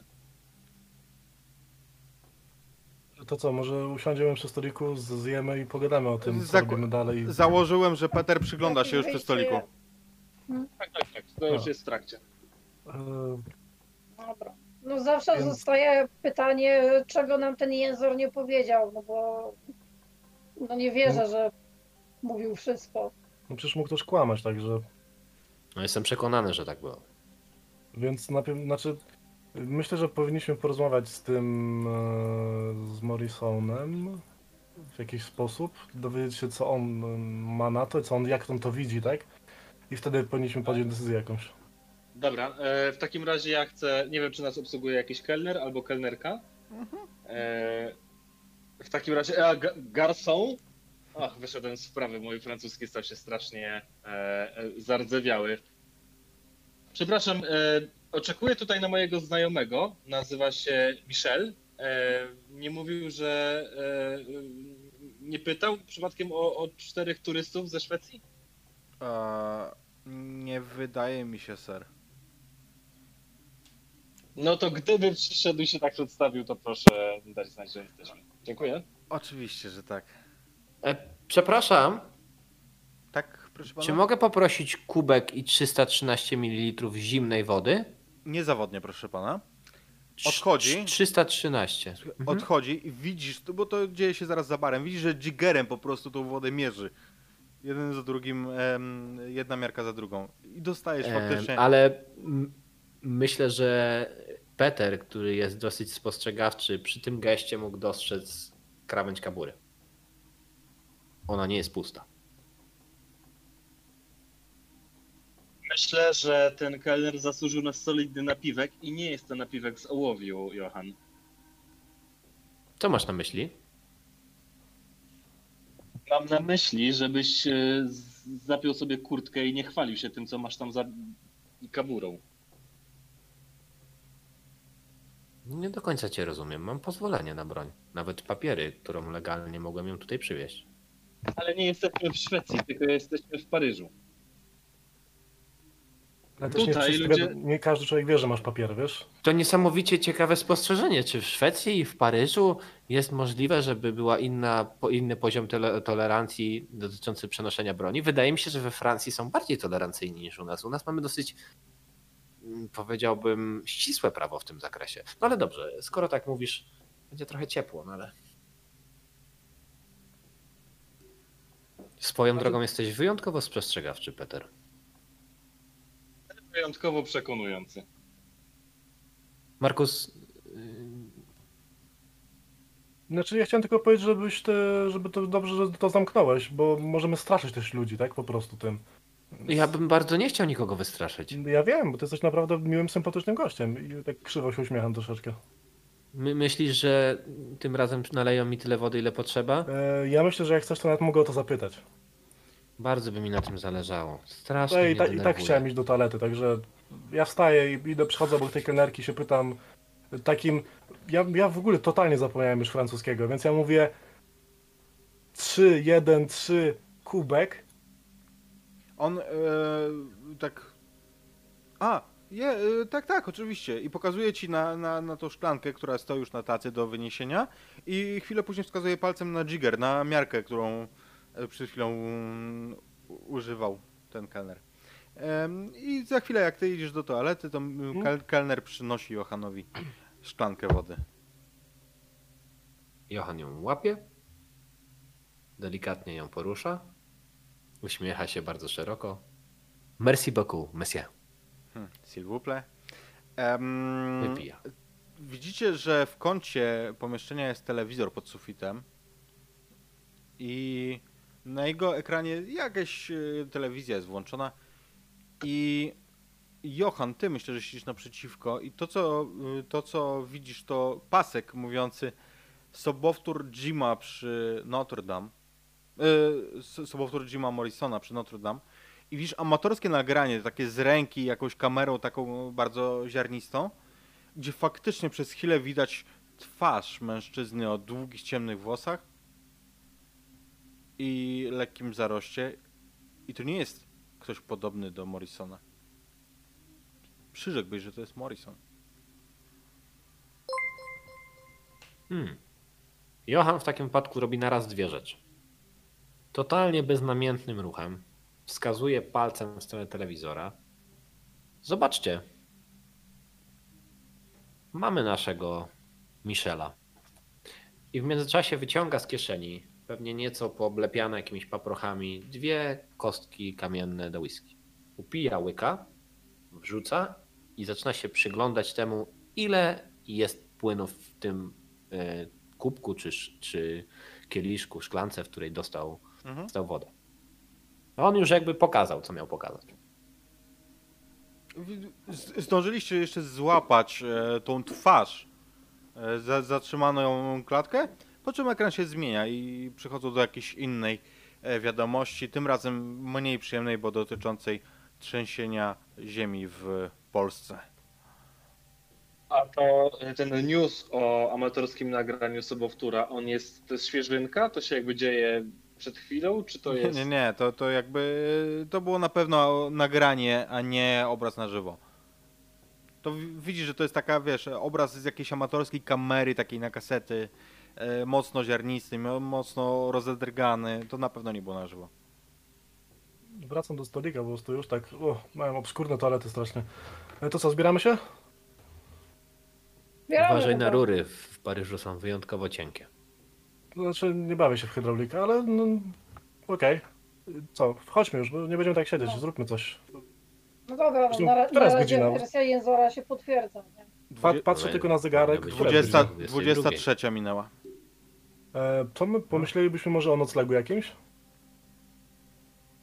Mamy już Zobaczmy może 23. najpierw to mieszkanie, skoro jesteśmy już przy... Może tam będziemy spać. E, O ile nikt tam nie. nie mieszka. No tak, w sumie tak. Ale może da się je wynająć. Ja mam trochę pieniędzy. Dobrze, ale hotel będzie przystępniejszy, wydaje mi się. Tu na pewno jest coś w okolicy. Na 100%. Jesteśmy w Paryżu. Ty Masz jakieś e, konkretne wymagania, Markus? E, nie, ważne, żeby było łóżko i jest dobrze. Łóżko. Dobry pomysł. Mhm. Przeważnie się przydają do spania. Ja, ja myślałem na początku o drzwiach. To też zawsze na plus. Ciężko wynająć hotel bez drzwi, tak. No hotel tak, to prawda. Nie, nie, nie, dobrze, dobrze. Drzwi, łóżko, ja teraz zadzwonię. Tutaj chyba nawet kojarzę. Trzy gwiazdki będą w porządku? Na pewno. Jak najbardziej. W Peter? trzech gwiazdkach będziemy mieć nawet łazienkę i prysznic. Czy dla ciebie to odpowiednie warunki? Oczywiście. Czuję jakoś, czuję Łazienka jakoś, zawsze się przyda. szczególnie tobie, czuję jakąś sugestię w twoim pytaniu, Johan. Y, y, Wiesz, twoje mieszkanie zrobiło niesamowite wrażenie. Ja myślę, że żyjesz na pewnym bardzo konkretnym poziomie. Mówiąc szczerze, my często służbowe hotele dostawaliśmy też całkiem nieźle jako piloci, więc ja jestem przyzwyczajony do nieco wyższego standardu, ale nie chcę się narzucać. Johan, zaufam więc e, twojemu gustowi pilota. Ba- bardzo mi, bardzo mi miło. Jak to mówią Paryżanie? Avanti! Zbieracie się do wyjścia z restaura- z tej ka- kawiarni, w której jesteście. Ona ma przeszklone oczywiście ściany, także widzieliście cały czas ruch na em, ulicy. Kiedy wstajecie, Matea, Mm, tak? Ja bym chciał w międzyczasie zadzwonić do tego hotelu, ale to nie ma znaczenia. Po prostu Johan zna jakiś hotel, pamięta. Bez problemu. I I wynajmuje. Mhm. I, I jednak wynajmie coś w czterech gwiazdkach. I nawet koszty może wziąć na siebie, to nie jest problem. Zupełnie niedaleko jest Grand Hotel. Mhm. Mhm. Um, Matea, kiedy wychodzicie, kiedy zbierasz się, widzisz parę żółtych oczu przyglądających ci się przez szybę. Kiedy spoglądasz w stronę, z której je zobaczyłaś, to widzisz ruch i nie ma ich tam. Ale jesteś przekonana, że widziałaś parę żółtych oczu. Takich wręcz fosforyzujących lekko żółtych oczu. Oglądam się nerwowo i pytam się reszty, czy, czy te psy z metra, kojarzycie jakie one miały oczy? Czarne. Miały czarne oczy. Co? Mm, Czarne, ale co, możesz powiedzieć dlaczego pytasz? Nie wiem, przy, przysięgłabym, że coś gapiło się na mnie, ale takimi świetlistymi oczami. Hmm. Bo ja widziałem coś bardzo podobnego w, sa w samolocie, ale wziąłem to za powidok. I co, zakładamy, że jesteśmy obserwowani, tak?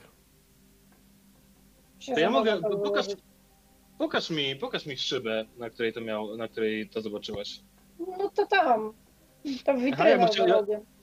Ja podejdę do tej szyby i zacznę ją bardzo dokładnie oglądać, tak jakbym się spodziewał, nie wiem, że zaraz przepadnę przez nią gdzieś. Nie, to jest zwykła, najzwyklejsza szyba. Zostawiasz na niej ślady twoich dłoni. Niezrażony tym badam ją. Być może zwracam na siebie uwagę jakiś przechodnik. To chyba nie o szybę chodzi. No, po prostu jest na tyle czysta, że to coś się w niej odbiło. No i jest na tyle Zaniepokojonego- ciemno, Przepraszam. Y, Zaniepokojonego kelnera Johan y, zbywa powiedzeniem, że jego towarzysz właśnie ćwiczy sztukę mimiczną. I nie należy mu nie przeszkadzać, wyciąga jakiś banknot, no pewnie wymienili walutę na lotnisku i wsuwa mu po prostu w dłoń. On taktownie Ja się udaję, że ciągnę linę, nie? No, trupą po prostu. Szyba, Dobra, możemy już? Peter, szyba jest jak najbardziej po prostu szybą. Przynajmniej według twojego, twoich wiadomości na temat szklarstwa. Okej. No to chodźmy. Wieczorny spacer do katedry, czy mieszkanie naszego przyjaciela? Jesteśmy na miejscu. Idźmy do No. Jima. Zobaczmy to tak, mieszkanie. Dokładnie pamiętacie tą drogę na Rubotrei. Przecież tyle razy tędy chodziliście w różnym stanie. Bez problemu docieracie pod kamienicę, która ma dwa piętra.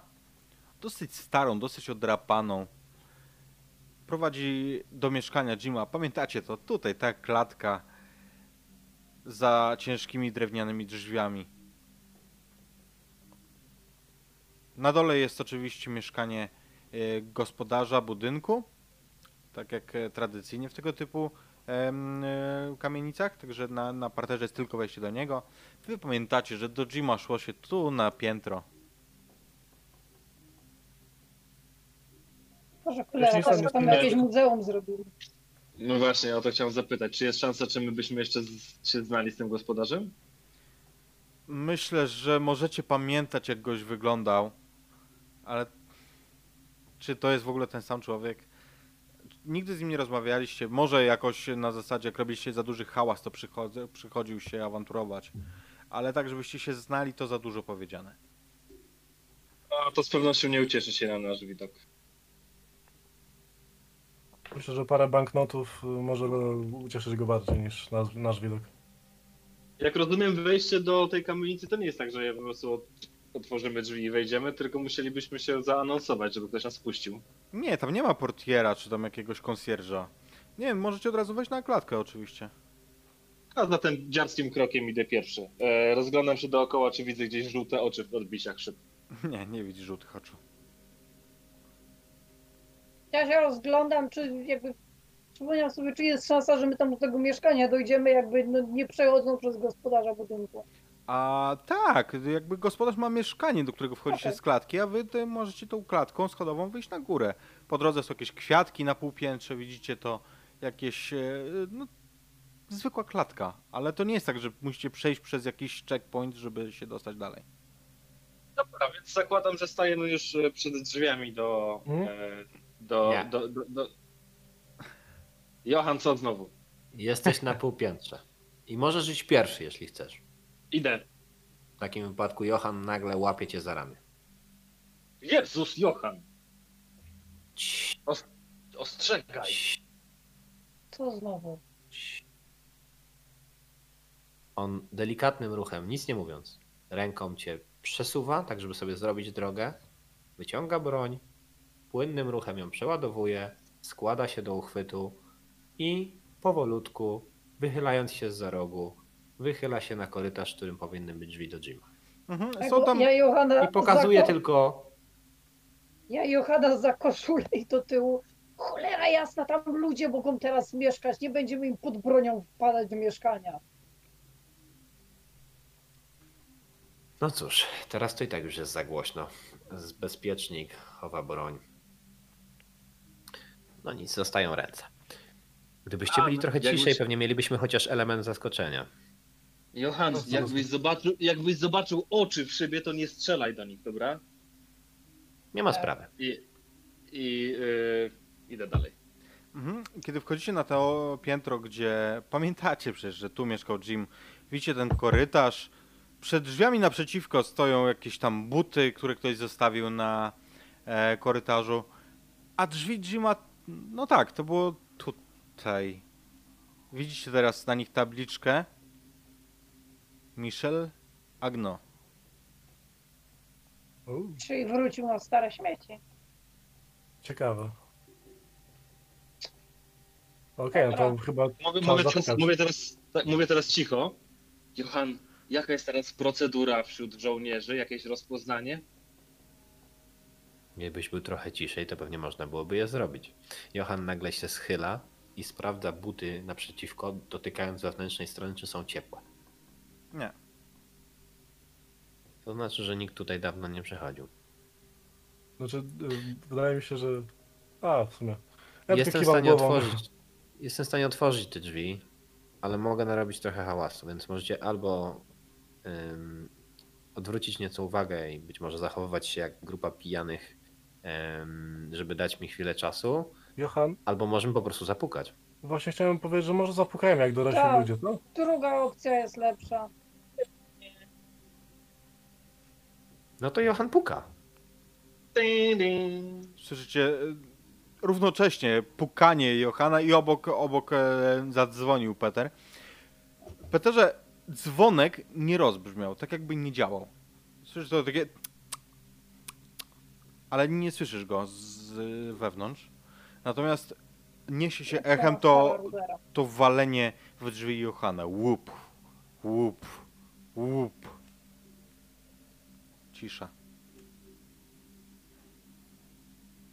Nasłuchuję, czy, czy jest jakiś dźwięk ze środka. Jest koło północy, prawda? I tak, za chwilę będzie północ. Johan się odwraca i puka do sąsiada.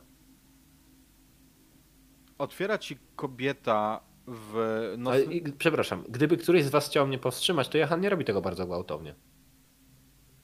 Okej, znaczy, Widziałem po wiesz prostu co, minę Markusa. Znaczy, wiesz co, ja już, Markus w pewien sposób czuje się odpowiedzialny za Johana. Jak on widzi, że on coś robi, to od razu Markus ma takie, okej, patrzymy to. Więc ja po prostu, No ja- ja... stoję obok ciebie i jakby widzę, że zapukałeś, ale trzymam cię po prostu za ramię i mówię, że okej, ale spokojnie, dobra? Ja, ja chciałem tylko zapytać. mm, Ja wiem, jasne, pytaj, śmiało.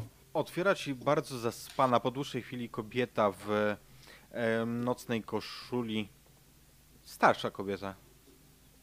Mówi po, Bonjour. mówi po francusku. Bonsoir. Dobry Bonsoir. wieczór. E, Excusez-moi. Mademoiselle. E,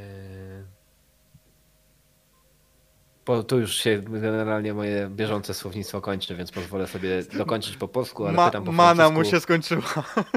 Tak. Mm, Czy w mieszkaniu naprzeciwko mieszka mężczyzna i opisuje tutaj Jima? Hmm, pan Michel, tak? E, A bardzo przepraszam, jesteśmy jego znajomymi, przyjechaliśmy z bardzo daleka, e, licząc, że go zastaniemy. Czy może widziała go pani, kiedy on ostatnio wychodził, pojawiał się, nikt nie odpowiada. Nie, teraz to parę dni go nie widziałam już.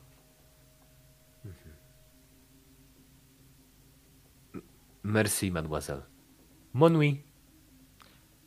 Dobranoc. Odwraca się napięcie, zamyka, zamyka drzwi.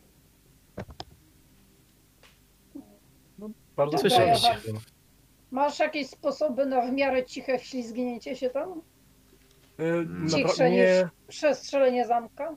nie róbmy włamań, dobrze? Nie, nie, nie, nie, nie. Nie możemy Bo tu tutaj śmieszka. strzelać. Mielibyśmy spore problemy. Nie popadajmy w niepotrzebną paranoję. Tak jest, normalnie jak idziemy do znajomych, ich nie ma, to schodzi się schodami w dół i idzie się dalej. Tak zróbmy. A, Pozwól, że Czy jest szansa? zaprotestuję. dawaj, Filip. E, Zresztą chyba Johan na twojej twarzy też widzę, widzę pomysł sprzeczny do tego, co zasugerował Markus. Nie sprawdziliśmy też dosyć oczywistej opcji, czyli po prostu pociągam za klamkę. Zamknięte. Dobre, próba, ale nie, nie, drzwi są zamknięte. O, Nie, ja otoczone są inny taką pomysł. wystającą framugą, drewnianą, bardzo szeroką. Drzwi drewniane z luźno dosyć chodzącą klamką, ale jednak zamknięte. Ym, czy jest Na taka nasz, szansa? na, nasz, przyjaciel, nasz przyjaciel Michel na pewno zostawił nam gdzieś tutaj klucz pod wycieraczką i zaczynam gdzieś e, szukać jakiś, e, jakiegoś innego, obmacywać tę framugę, szukać pod wycieraczką czegoś. Klasycznych schowków i faktycznie na framudze, na wierzchu znajdujesz płasko leżący kluczyk. O, Peter. Okej. Prostsze niż myślałam. Pasuje do drzwi. Spotykałem się, kiedy, spotykałem się kiedyś z agentką nieruchomości. A czy od prawnego punktu widzenia wejście do czyjegoś mieszkania przy pomocy klucza znalezionego albo przy włamaniu zamka nie będzie kwalifikowane tak samo jak włamanie? Ja mogę się mylić, ale przed chwilą Markus wyraźnie tego zabronił.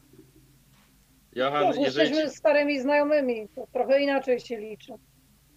A, ja po prostu chciałem napisać kartkę z numerem do hotelu z prośbą, żeby Michel do nas zadzwonił. Tak się składa, że akurat pamiętam numer. nasz przyjaciel Michel zostawił nam przecież klucze tutaj, bo spodziewał się naszej wizyty. Przekręcam ten klucz, otwieram i wchodzę. Ja tak sobie tylko w głowie myślę, że ja się stałem strasznym nudziarzem. Jakby oni tutaj, wiesz, ten klucz szukaj, daj, daj, wchodzi. Ja to normalnie bym zapukał, nie ma, to wracam. Ale się zestarzałem strasznie. I tylko z takim, takim zamyśleniem wchodzę do środka po nich wszystkich. Markus, wśród tych trupów zrobiłeś się strasznie sztywny. E, To prawda, faktycznie. A Johan nie wchodzi. Okej, także ci... Markus. Markus, on się chyba zawiesił. E, Albo stoi na warcie. e, to wejdźcie, okej? Ja porozmawiam. Zaraz wejdę, okej? Ja wracam się na pięcie i tylko po prostu patrzę.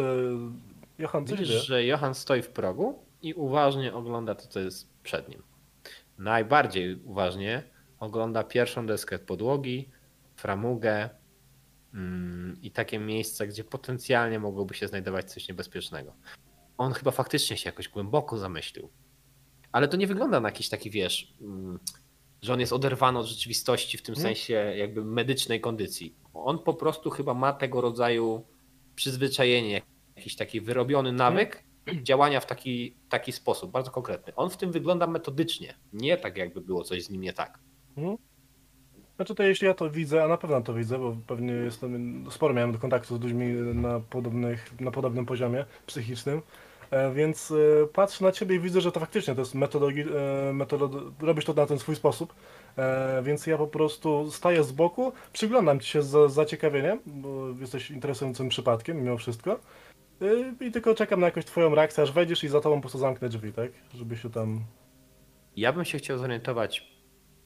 Myślę, że to na pierwszy rzut oka będzie dosyć szybko widać, że tutaj nie ma żadnych zabezpieczeń. Poza tym, gdyby były, to prawdopodobnie Petera byśmy w tej chwili mm, widzieli w nieco innej formie. Natomiast yy, chciałbym się zorientować, kiedy ktoś mógł opuszczać mieszkanie. O ile Matea i Peter nie zadeptali już tego wszystkiego w cholerę, to być może przy drzwiach był kurz, może jakieś rysy butów, może na farmudze jakieś ślady w miarę świeże. Tego typu rzeczy. Powiem ci tak, jest na tyle wysprzątane, że nie ma takiej warstwy kurzu, że wiesz, że zostały ślady czy coś takiego. Em, natomiast ogólne wrażenie, właśnie przez tą, właśnie choćby jak, jak y, zostały otwarte te drzwi, jak nie widzisz śladów wewnątrz y, na drzwiach po otwarciu, że są używane.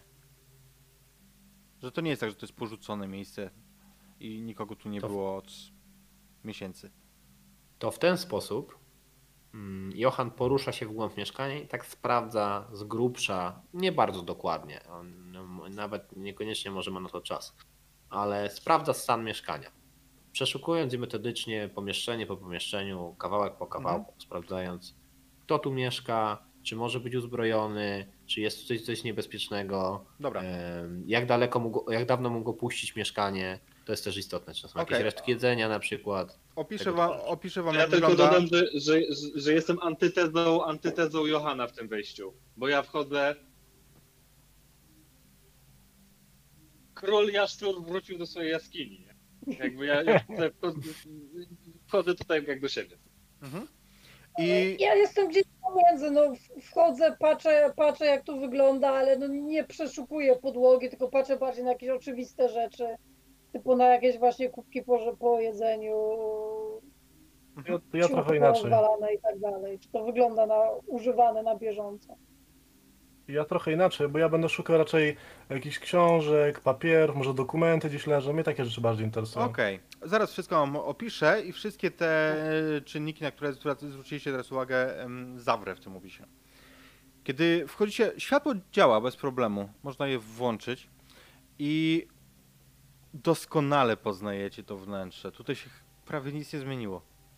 Widzicie te odłażące brązowawe tapety od, e, od ścian. Widzicie em, stolik stojący e, w em, takim połączonym z kuchnią pokoiku. To tutaj przecież to pierwsze wspomnienie, to, to gdzie pijany Jim coś wam tłumaczył, to, to ten stolik. W zlewie pełno jest brudnych naczyń. Jest tu generalnie, panuje tu nieporządek. Pod zlewem jest śmietnik, w którym widzicie jakieś papierzyska. W tych miejscach, gdzie odłażą tapety, wyraźnie widać, że na ścianach nakreślono różne symbole. Symbole, które ty, Markus, kojarzysz z okultystycznych ksiąg. W drugim pokoju pełno jest różnego rodzaju em, różne, różnego rodzaju książek. Cała biblioteczka tak naprawdę wypchana książkami. Obok podobna szafka z płytami winylowymi i taśmami. Na pierwszy rzut oka poznajesz, to są płyty The Doors. Zresztą w tym drugim pokoju jest pełno na ścianach różnych plakatów z koncertów, z mm, trasy, no, które odbyli Dorsi. Jim tyle razy wam o nich opowiadał. Stoi tutaj też biurko, na którym jakieś tam drobne papiery są rozrzucone. Stoi telefon, leży książka telefoniczna, otwarta. Johan, to jedzenie, ty jakby chciałeś zwrócić uwagę na takie rzeczy, właśnie na, na ile coś jest świeże, to jedzenie w zlewie jest y, już przyschnięte do talerza, więc to nie jest tak, że ktoś skończył jeść dwie godziny temu. Mhm. Nie rozumiem, że nic niebezpiecznego. A, Nie zapomniałem jeszcze o, o czarnym y, stworzeniu, które rzuca wam się do gardła. Nie, nie ma. A ta książka to- telefoniczna... No, przepraszam, No mów, mów. E, Idziemy w tą samą stronę. A, to razem podeszliśmy pewnie do tej książki i patrzymy, bo nas zainteresowała tym samym spojrzeniem. Spojrzałem na Matę. Chyba ta książka mówi do nas. Mhm. Słuchaj, jest otwarta i zaznaczony w niej jest jeden numer telefonu. Do Al Italia. Linii lotniczych. O. Włochy. Rzym. Mm, Tam bardzo trochę możliwe. katolickich biskupów się znajdzie. Ciekawe dlaczego, co? Yy, Okej, no to mm, sprawdźmy mieszkanie, no ale to by- musielibyśmy sprawdzić w sumie w takim razie jak stare było to nagranie w telewizji z, z tym sobowtórem, bo jeśli to na przykład było wczoraj wieczorem albo tydzień temu, no to jest różnica, nie? Dla nas. Za- Założyłabym się, że wtedy, kiedy była to zbrodnia, nie? Więc w takim razie ciekawe, że tak szybko by się udał, po tej, po tej zbrodni udał się od razu do e, samolot i do Włoch i teraz możliwe, że w Rzymie coś e, zrobi. Jest to jakby jakiś trop, prawda? Jak na razie jeden dzień, jeden ksiądz, nie? Obok tej księgi widzisz e, zapisane odręcznym e, pismem na jakiejś luźnej kartce słowa kawalier 30 znaczy 30 cyfrą, cyframi i jakiś numer 19, 39, 6, 911, 18, 17. Nie wiesz co to za numer, z niczym ci się nie kojarzy. Na wszelki wypadek robię kopię tego. E, wiesz, Biorę tam jakąś kartkę, tak długo, bo na pewno coś tam leży i spisuję sobie to. Mhm. Bez problemu znajdujesz i kartkę i długopis. To co widzisz jeszcze, Markus, myślę, że ty to poznajesz, Matea, ty tak samo. Wy widzieliście wielokrotnie pismo Jima Morrisona i to jest dokładnie jego, jego sposób pisania, jego pismo. Jego charakter pisma. Okej, czyli wiemy, że na pewno to był on, tak? To nie jest sobowtór, nie jest ktoś, kto się za niego podaje, to jest on. To nie był on. Tak odwracam się. e, A czemu tak sugerujesz? Bo Jim, którego poznaliśmy, nie był Jimem. Uściślij to bardziej. On musiał wcześniej być kimś innym. On tylko przybrał w tamtym czasie postać Jima. Teraz Michela Gno.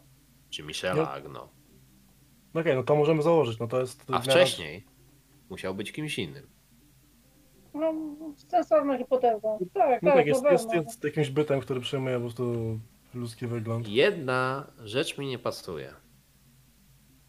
Bo moją pierwszą myślą i pierwszym skojarzeniem z Jimem, jego ewentualną starszą postacią, dużo starszą, był pewien cieśla żyjący na przełomie mileniów i er.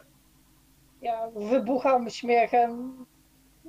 To dosyć szeroko zakrojone skojarzenia, ale Tak ci się wydaje, Matea? A popatrz na to w ten sposób. Mm, Mężczyzna w okolicach trzydziestki, trochę podobny wygląd, ciągnący za sobą w magnetyczny sposób tłumy ludzi. Nie do końca wyjaśnione jest, dlaczego oni za nim idą, ale idą i robią to, czego on chce. A on w pewien sposób zapoczątkowuje globalne rewolucje. Johan, e, i w sumie do mistrza gry też pytanie co się mogło wydarzyć. Czy w momencie, w którym Johan wrzucił tę tezę, e, którą wrzucił, to symultanicznie, bo zakładam, że skoro są płyty, to jest jeszcze jakiś sprzęt grający tutaj. Skoro jest elektryczność, to ten sprzęt działa pewnie i jest go gdzie podpiąć. Mhm. Czy możemy założyć, że w momencie, w którym Johan, ty powiedziałeś to, to ja akurat włożyłem płytę do sprzętu grającego i puściłem dosyć głośno e, Break on through to the other side i ten kawałek jakby wybrzmiał w momencie, w którym ty, e, ty to powiedziałeś? Oczywiście możemy tak założyć, tak się stało. Akurat nie mam tej piosenki, ale mówisz masz.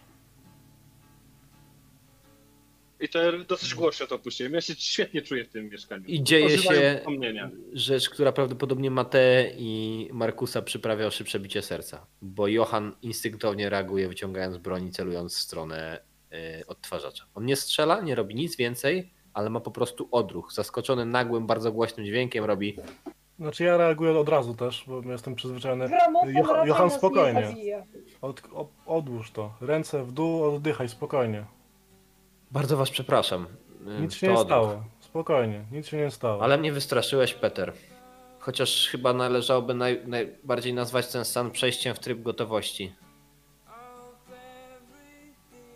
Ja słucham, To e, niebezpieczne. te- Nie słucham tego, jak mnie Johan strofujesz, tylko ja po prostu się wczuwam, wczuwam ten kawałek i ożywają wszystkie wspomnienia. Fantastycznie to jest.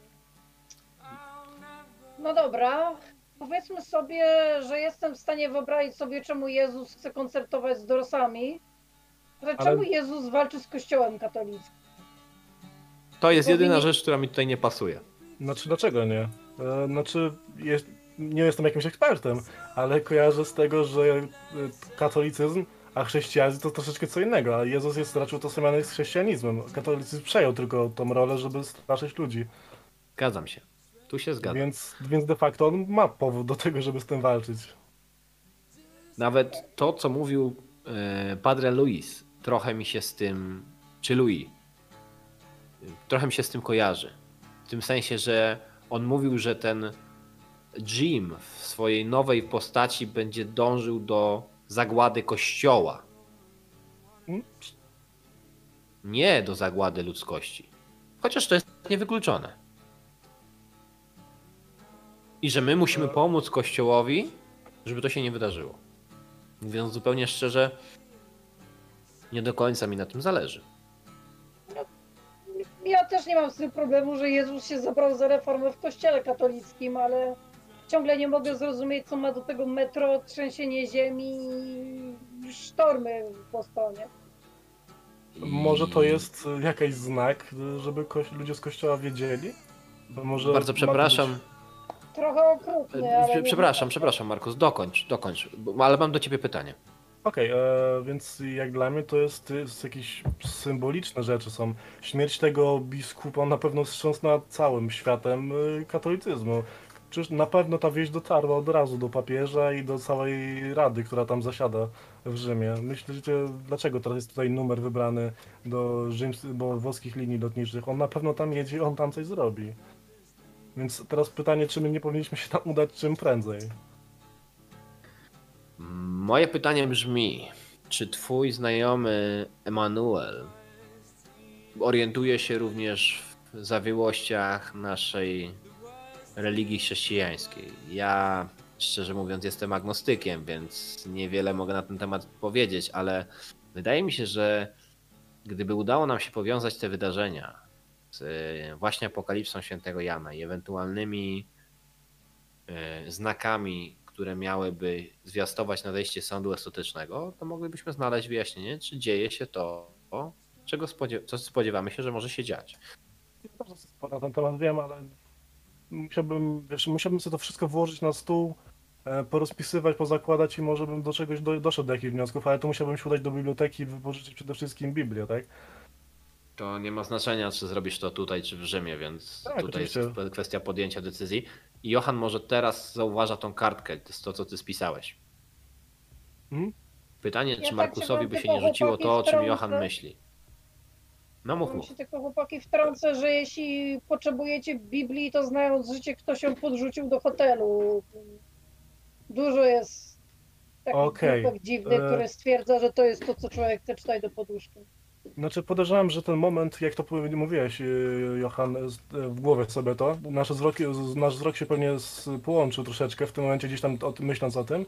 I tak sobie patrzę na ciebie, myślę, bo ja mam tutaj, znalazłem takie cyfry i może to jest nawiązanie właśnie do akapitu, Ja patrzę, tak? Do, patrzę na te cyfry i mam wrażenie, jak usłyszałem je jako gracz i chciałbym to przełożyć niejako na Johana, ale wskazując na Markusa jako specjalistę, że Johan może trochę naciąga i, i nieco dopasowuje do swojej teorii, ale on jest takim, takim człowiekiem. Czy to mogłyby być wersety biblijne? Wypisane po kolei to, co się stanie. właśnie patrzę na to z takim właśnie my, my Mhm. zamysłem. Markus, posłuchaj, dwie rzeczy. Po pierwsze, kiedy rozmawiacie o Biblii, to uświadamiasz sobie, no, przecież stoisz koło wielkiego regału z książkami. Em, ale po drugie, kiedy patrzysz, to jest inny format niż te e, standardowe zapisy Biblii, gdzie jest tam, nie wiem, Jan 23, coś tam, nie? Tak, tak. E, To nie, to nie jest taki zapis. Ale pff, może w jakiś sposób. No trudno ci powiedzieć. Próbuję sobie to wiesz, usiąść, wezmę sobie z, ksi- z biblioteczki, jeśli to jest, to pewnie jest Biblia, wezmę ją i spróbuję to jakoś przełożyć po prostu sobie na to. Mhm, Jest. Słuchaj, wychodzą ci bzdurki, wychodzi ci jakiś fragment z pieśni nad pieśniami. Nie, nic co by Okej. pasowało do sytuacji. Błędny trop, Johan. Może albo numer i- telefonu. Czy taki długi numer telefonu? Leżało obok e, książki telefonicznej, telefon jest obok. No to, to prosta sprawa, czyli wykręcam ten numer. No no dobra, już nie, nie szkodzi nam sprawdzić, prawda? A więc wykręcam, przykładam telefon do ucha i... Słyszysz takie zakłócenia jak przy międzynarodowej rozmowie? Tą muzykę, bo też mnie to zaciekawiło i podchodzę bliżej, żeby słuchać. Hotel Cavalier, słucham. E, dzień dobry, oni w jakim języku nie mówią? To było powiedziane po angielsku, ale z, wyraź... Z wyraźnym akcentem. Włoskim akcentem. E, Okej, bo też tak się składa, że ja włoskie, włoskiego trochę liznąłem, na całkiem nawet dużo, więc e, ja od razu mu przechodzę na włoski, bo jak poznałem troszeczkę ten akcent, to od razu mówię po włosku. E, mój przyjaciel zarezerwował dla nas hotel. Mm, Podejrzewam, że u państwa. I podaje imię Mikea i tam nazwisko, bo nie, nie załapałem. Mikea, Michel Agno. Michela Gnom, właśnie. A tak, pan y, Agno zarezerwował sobie pokój u nas od y, jutra, od rana. ja, a wspominał, e, ile ma, ile chce zostać? A niestety nie mogę udzielać takiej informacji, proszę pana. Jasne. E, Dobrze. W takim razie dziękuję bardzo. I chciałbym, chciałbym w sumie w takim razie jeszcze mówić e, dla siebie i dla grupki przyjaciół. A, o, oczywiście, tak. Na jakie nazwisko? Fredlit. Markus Fredlit. Mhm, dla ilu osób? No i tam kontynuuję standardowe No, pytania do rezerwacji. Bez problemu zakładasz rezerwację. Yy, Okej. czy, czy Johan słyszy, na kiedy ty rezerwujesz hotel? E, Na pewno, e, że na jutro. To Johan już w tym momencie e, o, orientuje się, że nie ma drugiego telefonu. Ale Johan jest człowiekiem, który działa. Więc wraca do sąsiadki. Słyszysz, I puka. jak pukasz, to słyszysz, że ona coś tam pokrzykuje wewnątrz e, zirytowanym głosem. Otwiera. Co mogę jeszcze zrobić? Mam zadzwonić na policję?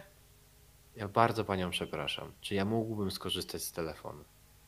Ja bardzo chętnie pokryję wszelkie koszta i też y, y, być może jakąś rekompensatę będę w stanie pani przekazać za to zakłócanie porządku. To jest bardzo pilna sprawa. Okazuje się, że pan Michel, owszem, y, opuścił jakiś czas temu e, mieszkanie, tak jak mówiłem, to jest nasz bliski znajomy i niesamowicie źle się poczuł. Musimy bardzo szybko się skontaktować, żeby udzielić mu pomocy. O, źle się po... Proszę, tak, proszę. Tu Podróży, tak, w podróży. Tu jest telefon i pokazuję ci zaraz przy drzwiach, y, wisi na ścianie. Bardzo panią przepraszam. E, I ja chcę zadzwonić na lotnisko i załatwić nam swoimi kontaktami lot. Jak najszybciej. Mhm.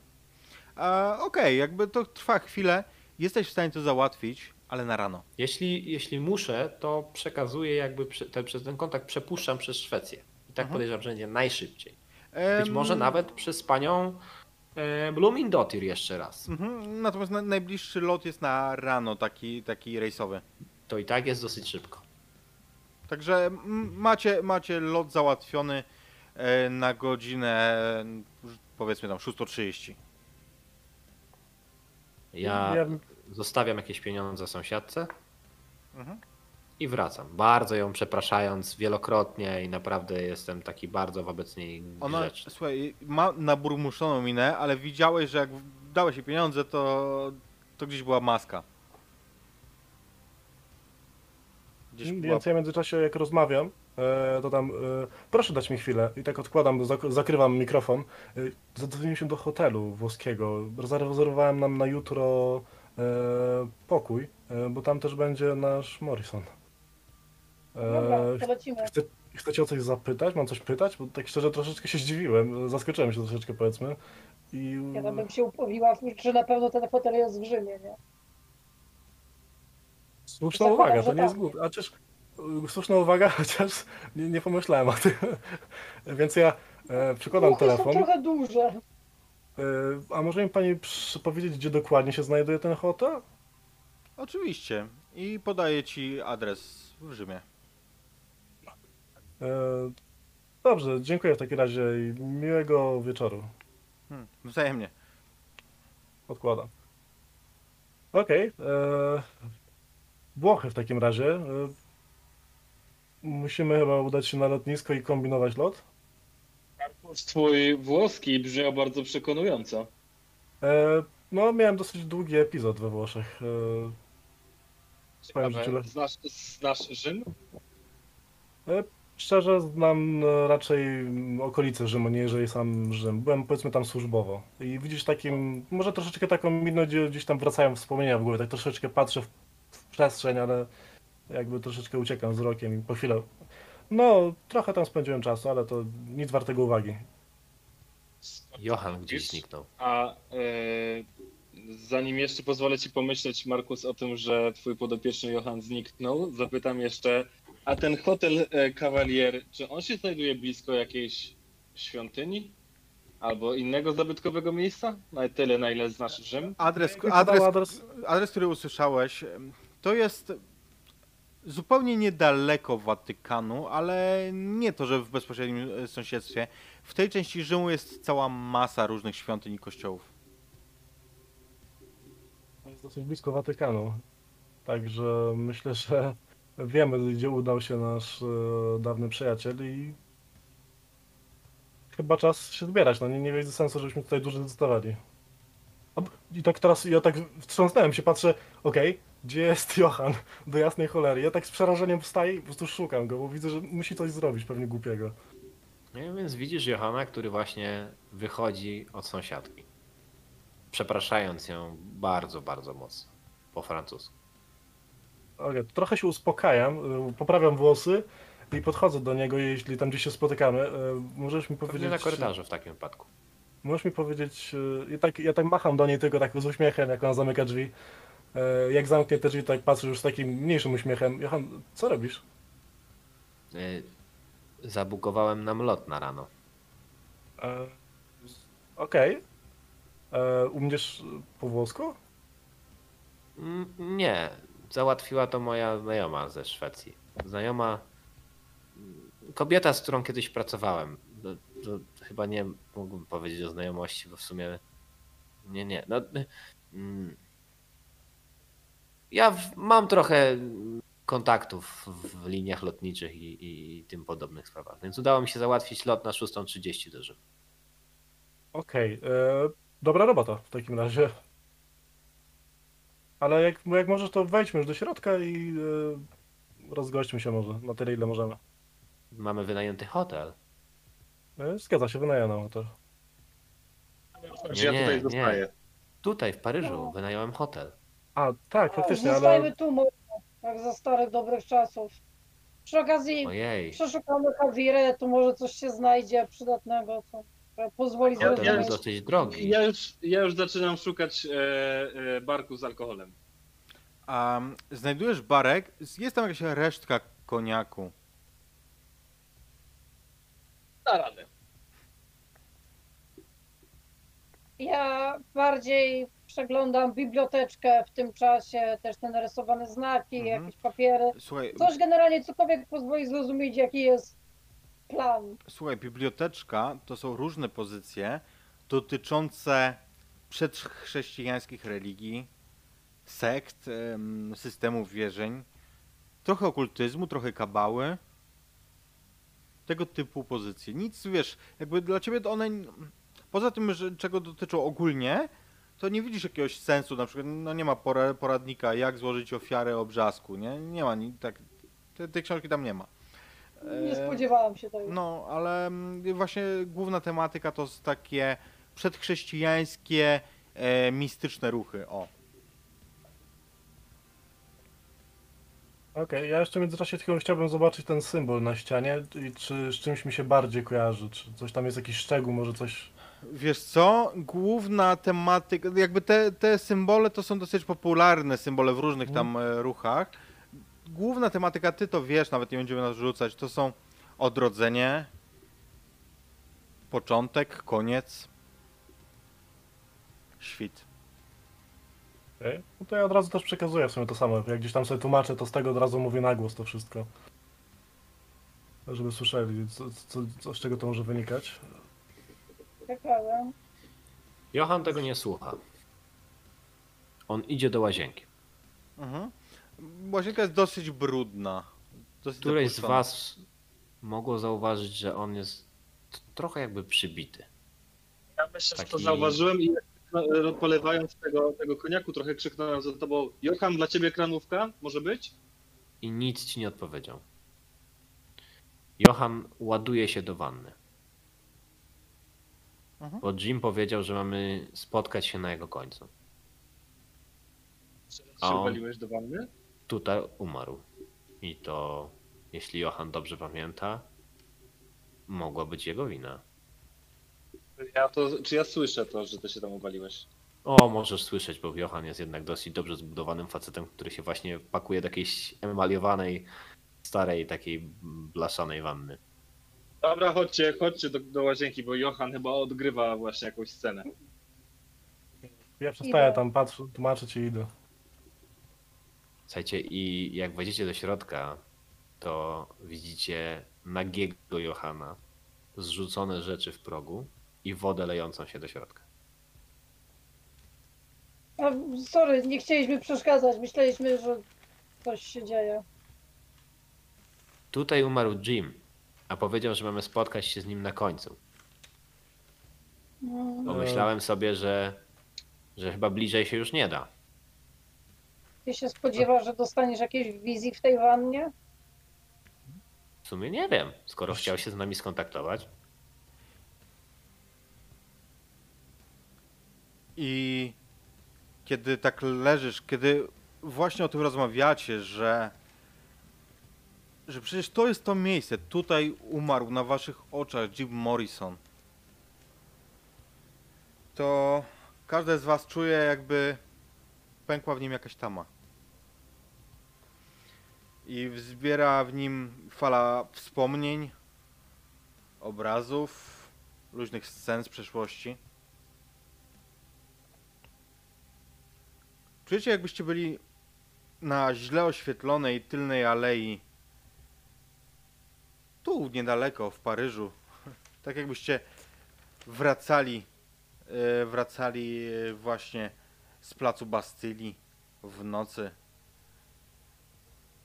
Czujecie krople deszczu, jakie padają wam za kołnierz. Peter, patrzysz przez panoramiczne okno na zniszczenia na zewnątrz. Widzisz zbombardowane ruiny aż po horyzont. Trudno uwierzyć, że niedawno to tutaj biło przemysłowe serce Niemiec. Twoi robotnicy sprzątają, budują na gruzach, ale misja wydaje się beznadziejna. Ech, dość rozmyślań. Twoje spotkanie z liderem opozycji wkrótce się zacznie. Zdeterminowany idziesz do sali spotkań. Otwierasz drzwi i jesteś w izbie gmin. Lordowie już się zebrali. Premier Asquith przygotowuje sugestię autonomii dla Irlandii.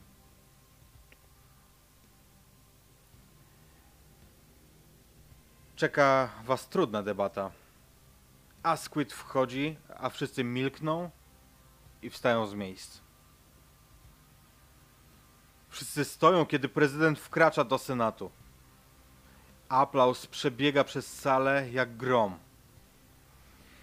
Prezydent zdejmuje czarny cylinder i uśmiecha się. Uśmiecha się z pewnym smutkiem. Unosi rękę, a wszyscy milkną a Lincoln smutno na nich patrzy. Johan, jesteś w dżungli. Upał jest nieprawdopodobny, klei się do ciebie wszystko. Pocisz się od gorąca, ale też ze strachu. Zewsząd ten terror. Na patrolu za liniami Koreańczyków z północy jest was teraz sześciu. Dwóch twoich ludzi rozerwała wcześniej na krwawe strzępy mina. I nadal każdy z was ma ich szczątki jeszcze na sobie, ich krew. Czarną i lepiącą. Ciszy słyszysz świst. Granat! Rzucasz się na ziemię, a wszystko znika w rozbłysku. Powoli się ściemnia. Zapada zmierzch, a na horyzoncie widzisz wybuchy pocisków artyleryjskich. Okop jest pełen powykręcanych ciał. Ciężki brązowy gaz przykrył was na długo i na początku było pełno krzyków, ale później one milkły. Zdejmujesz ciężki hełm, maskę przeciwgazową i odrzucasz od siebie karabin M1. Celujesz ze Springfielda w ścianę domu. Jesteś zmęczony. Wojna jest wygrana, ale jakim kosztem? Ta nienawiść zostanie na zawsze. Patrzysz na powiewającą nad fortem flagę Unii. Na sekundę krąg gwiazd wygląda dla ciebie jak krąg wyszczerzonych czaszek. Mateo, siedzisz za ciężkim stołem. Koledzy patrzą na ciebie ze zrozumieniem. I nie wiesz wiele więcej niż możesz zobaczyć i usłyszeć, ale nie wiedziałaś wcześniej, że człowieka może opanować aż takie zło, taka nienawiść. Jak ktoś mógł coś takiego zrobić? Zwykli ludzie, na co dzień kochający mężowie, ojcowie, mordercze zwierzęta bez współczucia. Musisz to znieść, bo ludzkość musi się o tym dowiedzieć. Sprawiedliwość tego wymaga. Procesy norymberskie są bardzo ważne. Patrzysz na tych, których masz bronić i wsłuchujesz się w słowa prokuratora. Kończysz przemawiać, a sąd e, cię słucha. Widzisz potakiwanie. Tym razem możesz to zrobić. Możesz skazać Dona Contiego za morderstwo, rabunek, szantaż i fałszerstwo. Don Conti jest coraz bardziej zdenerwowany. Jego oczy wypełnia nienawiść i strach. Kończysz mowę, a teraz wszystko zależy od sądu. To jest najważniejszy wyrok roku pańskiego 1921. I skazujesz ich wszystkich na śmierć. Nie chcesz, ale nie masz wyboru. El Presidente tego żądał, a Maksymilian ma to, czego żąda. To wszystko dzielni ludzie z wizją przyszłości, ale próbowali obalić Maksymiliana i muszą umrzeć. Byli dzielni i nie zdradzili twojej roli w spisku przeciw prezydentowi. W nagrodę teraz w imieniu Meksyku musisz ich zabić. Czasem tracisz wszelką wiarę w ludzkość. Markus, czekasz wraz, wraz z innymi, gdy podjeżdżają kolejne białe karetki. Zatrzymują się i widzisz między nimi wysoką postać, którą natychmiast rozpoznajesz. To Folke Bernadette. Trudno uwierzyć, że dokonał tego, czego dokonał, że wydostał żywych więźniów z obozu, a później sprowadził ich do Szwecji. Ruszasz, żeby pomóc przenosić pacjentów do wewnątrz. Patrzysz, jak ciało kobiety jest wynoszone, pokryte brudnym i zakrwawionym prześcieradłem. Kolejna pozbawiona znaczenia ofiara ignorancji lekarza. Ile można powtarzać, że pomiędzy sekcją zwłok a porodówką należy umyć ręce? Nie straciłeś pacjentki od przeszło pół roku. Oni zabili tuziny swoją ignorancją. Walisz pięścią w ścianę i płaczesz z bezsilności. Opuszczasz rękę i patrzysz na pole bitwy. Jest pokryte ciałami. Krzyki niosą się pod ciemne niebo. Długi rząd ciężarówek tworzy kolejkę do twojego szpitalika. Pokrwawione bandaże, pogruchotane czaszki, uszkodzone mózgi. Ból i śmierć. A twoje zadanie to połatać tych, których możesz i posłać ich z powrotem do tego piekła. Przejeżdżający jeźdźcy wzbijają kurz z suchej egipskiej ziemi. Flaga Imperium Brytyjskiego powiewa na lancach. Woda z wanny Johana zaczyna się powoli przelewać.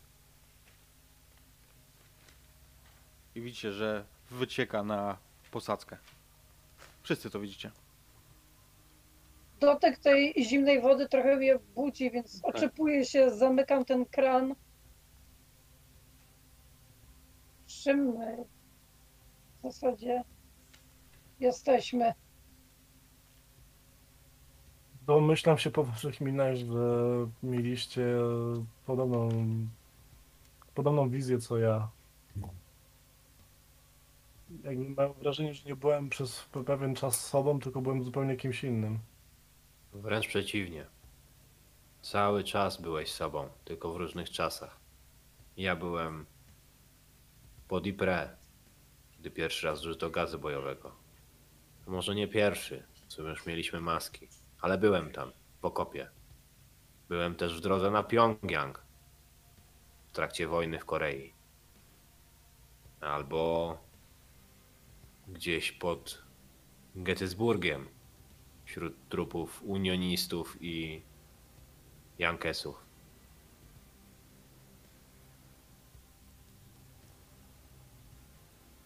To jedna sensu. osoba, tak jak Jim, tylko w różnym czasie. Czyli możemy założyć, że tak naprawdę ta dba to nie jest pierwsza batalia, tylko my to toczymy co jakiś czas, tak? Może. Nie wiem, bo w tym wcieleniu filozofia nie jest moją najmocniejszą stroną, ale jeśli Kant miał rację, jego imperatyw był słuszną koncepcją, to są pewne rzeczy, które są niezmienne. A może to, to bardziej coś platońskiego. W każdym razie pewien cykl czasu, cykl historii, jeśli postrzegalibyśmy go liniowo, może wpływać niejako na to. Ta, możesz mieć rację, Markus. To może być kolejna z bitew niekończącej się wojny, w której my jesteśmy tylko pionkami. I ciągle nie wiemy, po jakiej stronie walczyliśmy wcześniej. No i właśnie może to jest problem, że tak naprawdę nieważne po której stronie jesteśmy, to wszystko leci w ten sam sposób. Więc może jest jakaś metoda, która pomogłaby nam ten krąg zakończyć? To chyba nie do końca jest prawda, bo chociaż to tylko subiektywna kwestia, co uznajemy za dobro, a co za, dło, za zło, to, to, to jest dualizm i pytanie, który, na które wciąż jakby nie znamy odpowiedzi, ale ja byłem zawsze po tej stronie, którą ze szwedzkiej perspektywy uznawałbym za dobrą. Jako żołnierz Korei Południowej, jako żołnierz w jakimś brytyjskim lub francuskim okopie, jako unionista, jako żołnierz na froncie II wojny światowej. Wciąż stałem tutaj, po tej samej stronie barykady. mi tutaj nie chodzi o dobro czy zło, raczej mam na myśli ten krąg, w którym bierzemy udział, bo możemy założyć, że jest to jakiś pewien, ma to swój początek i koniec jest zaraz obok tego, czyli cały czas lecimy w kółko. Ale Jakby to... czy należymy do jakiejś strony, Markus? Okej, i to jest właśnie może problem tego wszystkiego, że przynależymy do jakiejś strony. Ja rozumiem, Gdybyśmy- rozumiem twoją te- tezę, Gdybyśmy ale nie chodzi mi o to, że... byłbym po różnych stronach, być może w losowy sposób, a być I może, może nie. to jest problem, i może to jest problem. Ja byłam po różnych stronach, więc trochę chyba rozwalę ci tą teorię. Jesteś pewna? Byłam obrońcą na procesach norymberskich. Ciężko mi to uznać za szlachetną stronę. Obrońcą Mimo wszystko. czy sędzią? Obrońcą. Hmm. We, wcze- we wcześniejszych s- sprawach też raz byłam po tej stronie, którą bym nazwała właściwą. Raz po tej, która w sumie nie miała wyboru. Chciała dobrze, a nie wyszło. Ciężko stwierdzić. Całe spektrum stron. Więc mo, moim zdaniem moja teoria póki co trzyma się tego najbardziej. Jesteśmy w kręgu i cały czas robimy dokładnie to samo, bo możliwe jest tak, że na końcu wybieramy stronę, którą zawsze wybieramy, bo wszystko nas kieruje, żebyśmy zrobili w ten sposób. Bo świat, który, w którym akurat my toczymy, jesteśmy tak jak sam wspomniałeś pionkiem, tak? A pionek może iść tylko do przodu. Ale na końcu, tam gdzie mamy spotkać się z Jimem, może zostać dowolną figurą na planszy. Tylko w takim razie pytanie, dlaczego zawsze wybieramy tą samą? Bo, bo jeśli zakładamy moją teorię, to w takim razie zawsze wybieramy to samo, bo to się toczy cały czas i cały czas i cały czas. Johan wstaje. Woda. To jest ten moment, to jest ten moment, w którym Peter całkowicie przytłoczony tym wszystkim, do tej pory milczący, nawet ukrywający twarz w ramionach, wreszcie mówi Johan, na litość boską, ubierz się. I widzisz, że Johan wstał, bo jakby chciał po prostu jakoś wejść w tą dyskusję, ale widzisz na jego twarzy normalne, absolutnie ludzkie zażenowanie, zawstydzenie, kiedy on orientuje się, że przecież wszedł nagi do wanny, zakrywa się w takim niezbornym geście. i Przepraszam, możecie wyjść? Chciałbym się ubrać. Rzucam mu tylko ręcznik, tak, żeby, go, żeby się zakrył i wychodzę stąd. poczekać. Ja odwracam do tyłu. Ja y, też, też wyjdę. Ja myślę, że ja złapię Markusa jakby za, za ramię i takim, e, takim gestem cię przyciągnę do siebie i powiem ci, Okej. jeżeli cały czas odtwarzamy tę samą historię, to, to gdzie w tym wszystkim jest Leonora? E, Znaczy, nie wiem, czy chcesz o tym ze mną rozmawiać. Jeśli, jeśli chcesz, to mm, z przyjemnością, bo wydaje mi się, tylko z mojego jakiegoś tam punktu widzenia, którego gdzieś tam staram się tutaj zrozumieć też, to może to jest jakiś zapalnik dla ciebie, tak? No, mam wrażenie, że jeśli jesteśmy tym, czym jesteśmy, to wszystkie wypadkowe prowadzą nas do tego, żebyśmy zrobili to, co mamy zrobić.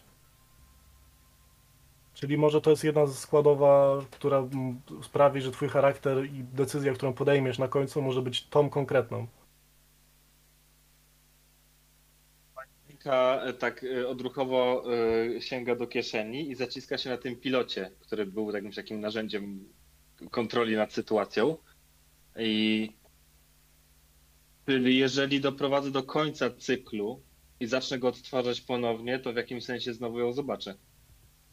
Mm, Wiesz co, znaczy jeśli zakładamy, że będziemy zupełnie kimś innym, to szansa, że ją zobaczysz jest zerowa. Bo będziesz kimś innym, będziesz miał inne wspomnienia, no, tak jak teraz. Przy, kiedy, i co ile sobie przypomniałeś z poprzedniego życia? Jakiś mały urywek, prawda?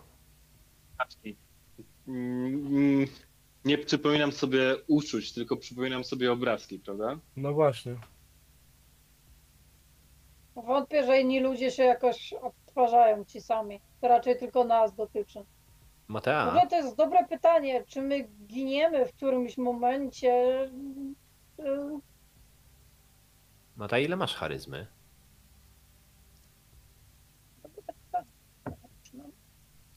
To jest takie pytanie, które mógł zadać tylko Johan. Każdemu na ulicy, nie? tak, dokładnie. A, ty mi to w postaci się zapytałeś? Tak, tak, tak, tak, tak, bo chciałbym y, wprowadzić ten wątek, ale nie jestem pewien, czy mogę. Maczka nie pytam, bo to O, kult. o, znaczy, jak mi się pytasz mechanicznie, to trzy. Jak mi się zapytasz O to mi chodziło. postać postaci, okej. W takim wypadku myślę, że jak chłopaki gadają tą scenę, zanim ty się wtrąciłaś, to mogłaś się zorientować, że to, co zrobił Johan przed chwilą, wychodząc z tej wanny, to był jeden z pierwszych takich bardzo ludzkich odruchów, jakie u niego widziałaś. On bardzo jest w tych swoich emocjach taki stonowany i wygaszony, a tu zachował się zupełnie inaczej niż wcześniej. Tak, to, to zdecydowanie było bardzo normalne i takie bardzo proste dla każdego do zempatyzowania się. No.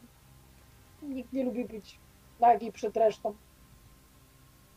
Peter, e, ja rozumiem do czego zmierzasz, ale nie wiem czy. Jako twój przyjaciel. e, Nie wiem, czy to, do czego, co chcesz, do czego chcesz doprowadzić, jest tą odpowiednią drogą. Ja rozumiem, że ona była dla ciebie mega ważną osobą. I ja to jak najbardziej rozumiem, ale tutaj na szali mamy chyba coś zdecydowanie więcej. I martwię się, że możesz sam sobie zrobić krzywdę, którą, której będziesz żałował. Ja to byłoby dobrze, gdyby się zapamiętał tak, jaka była, a nie próbował tworzyć sobie ją taką, jaką nie chciałbyś, żeby była.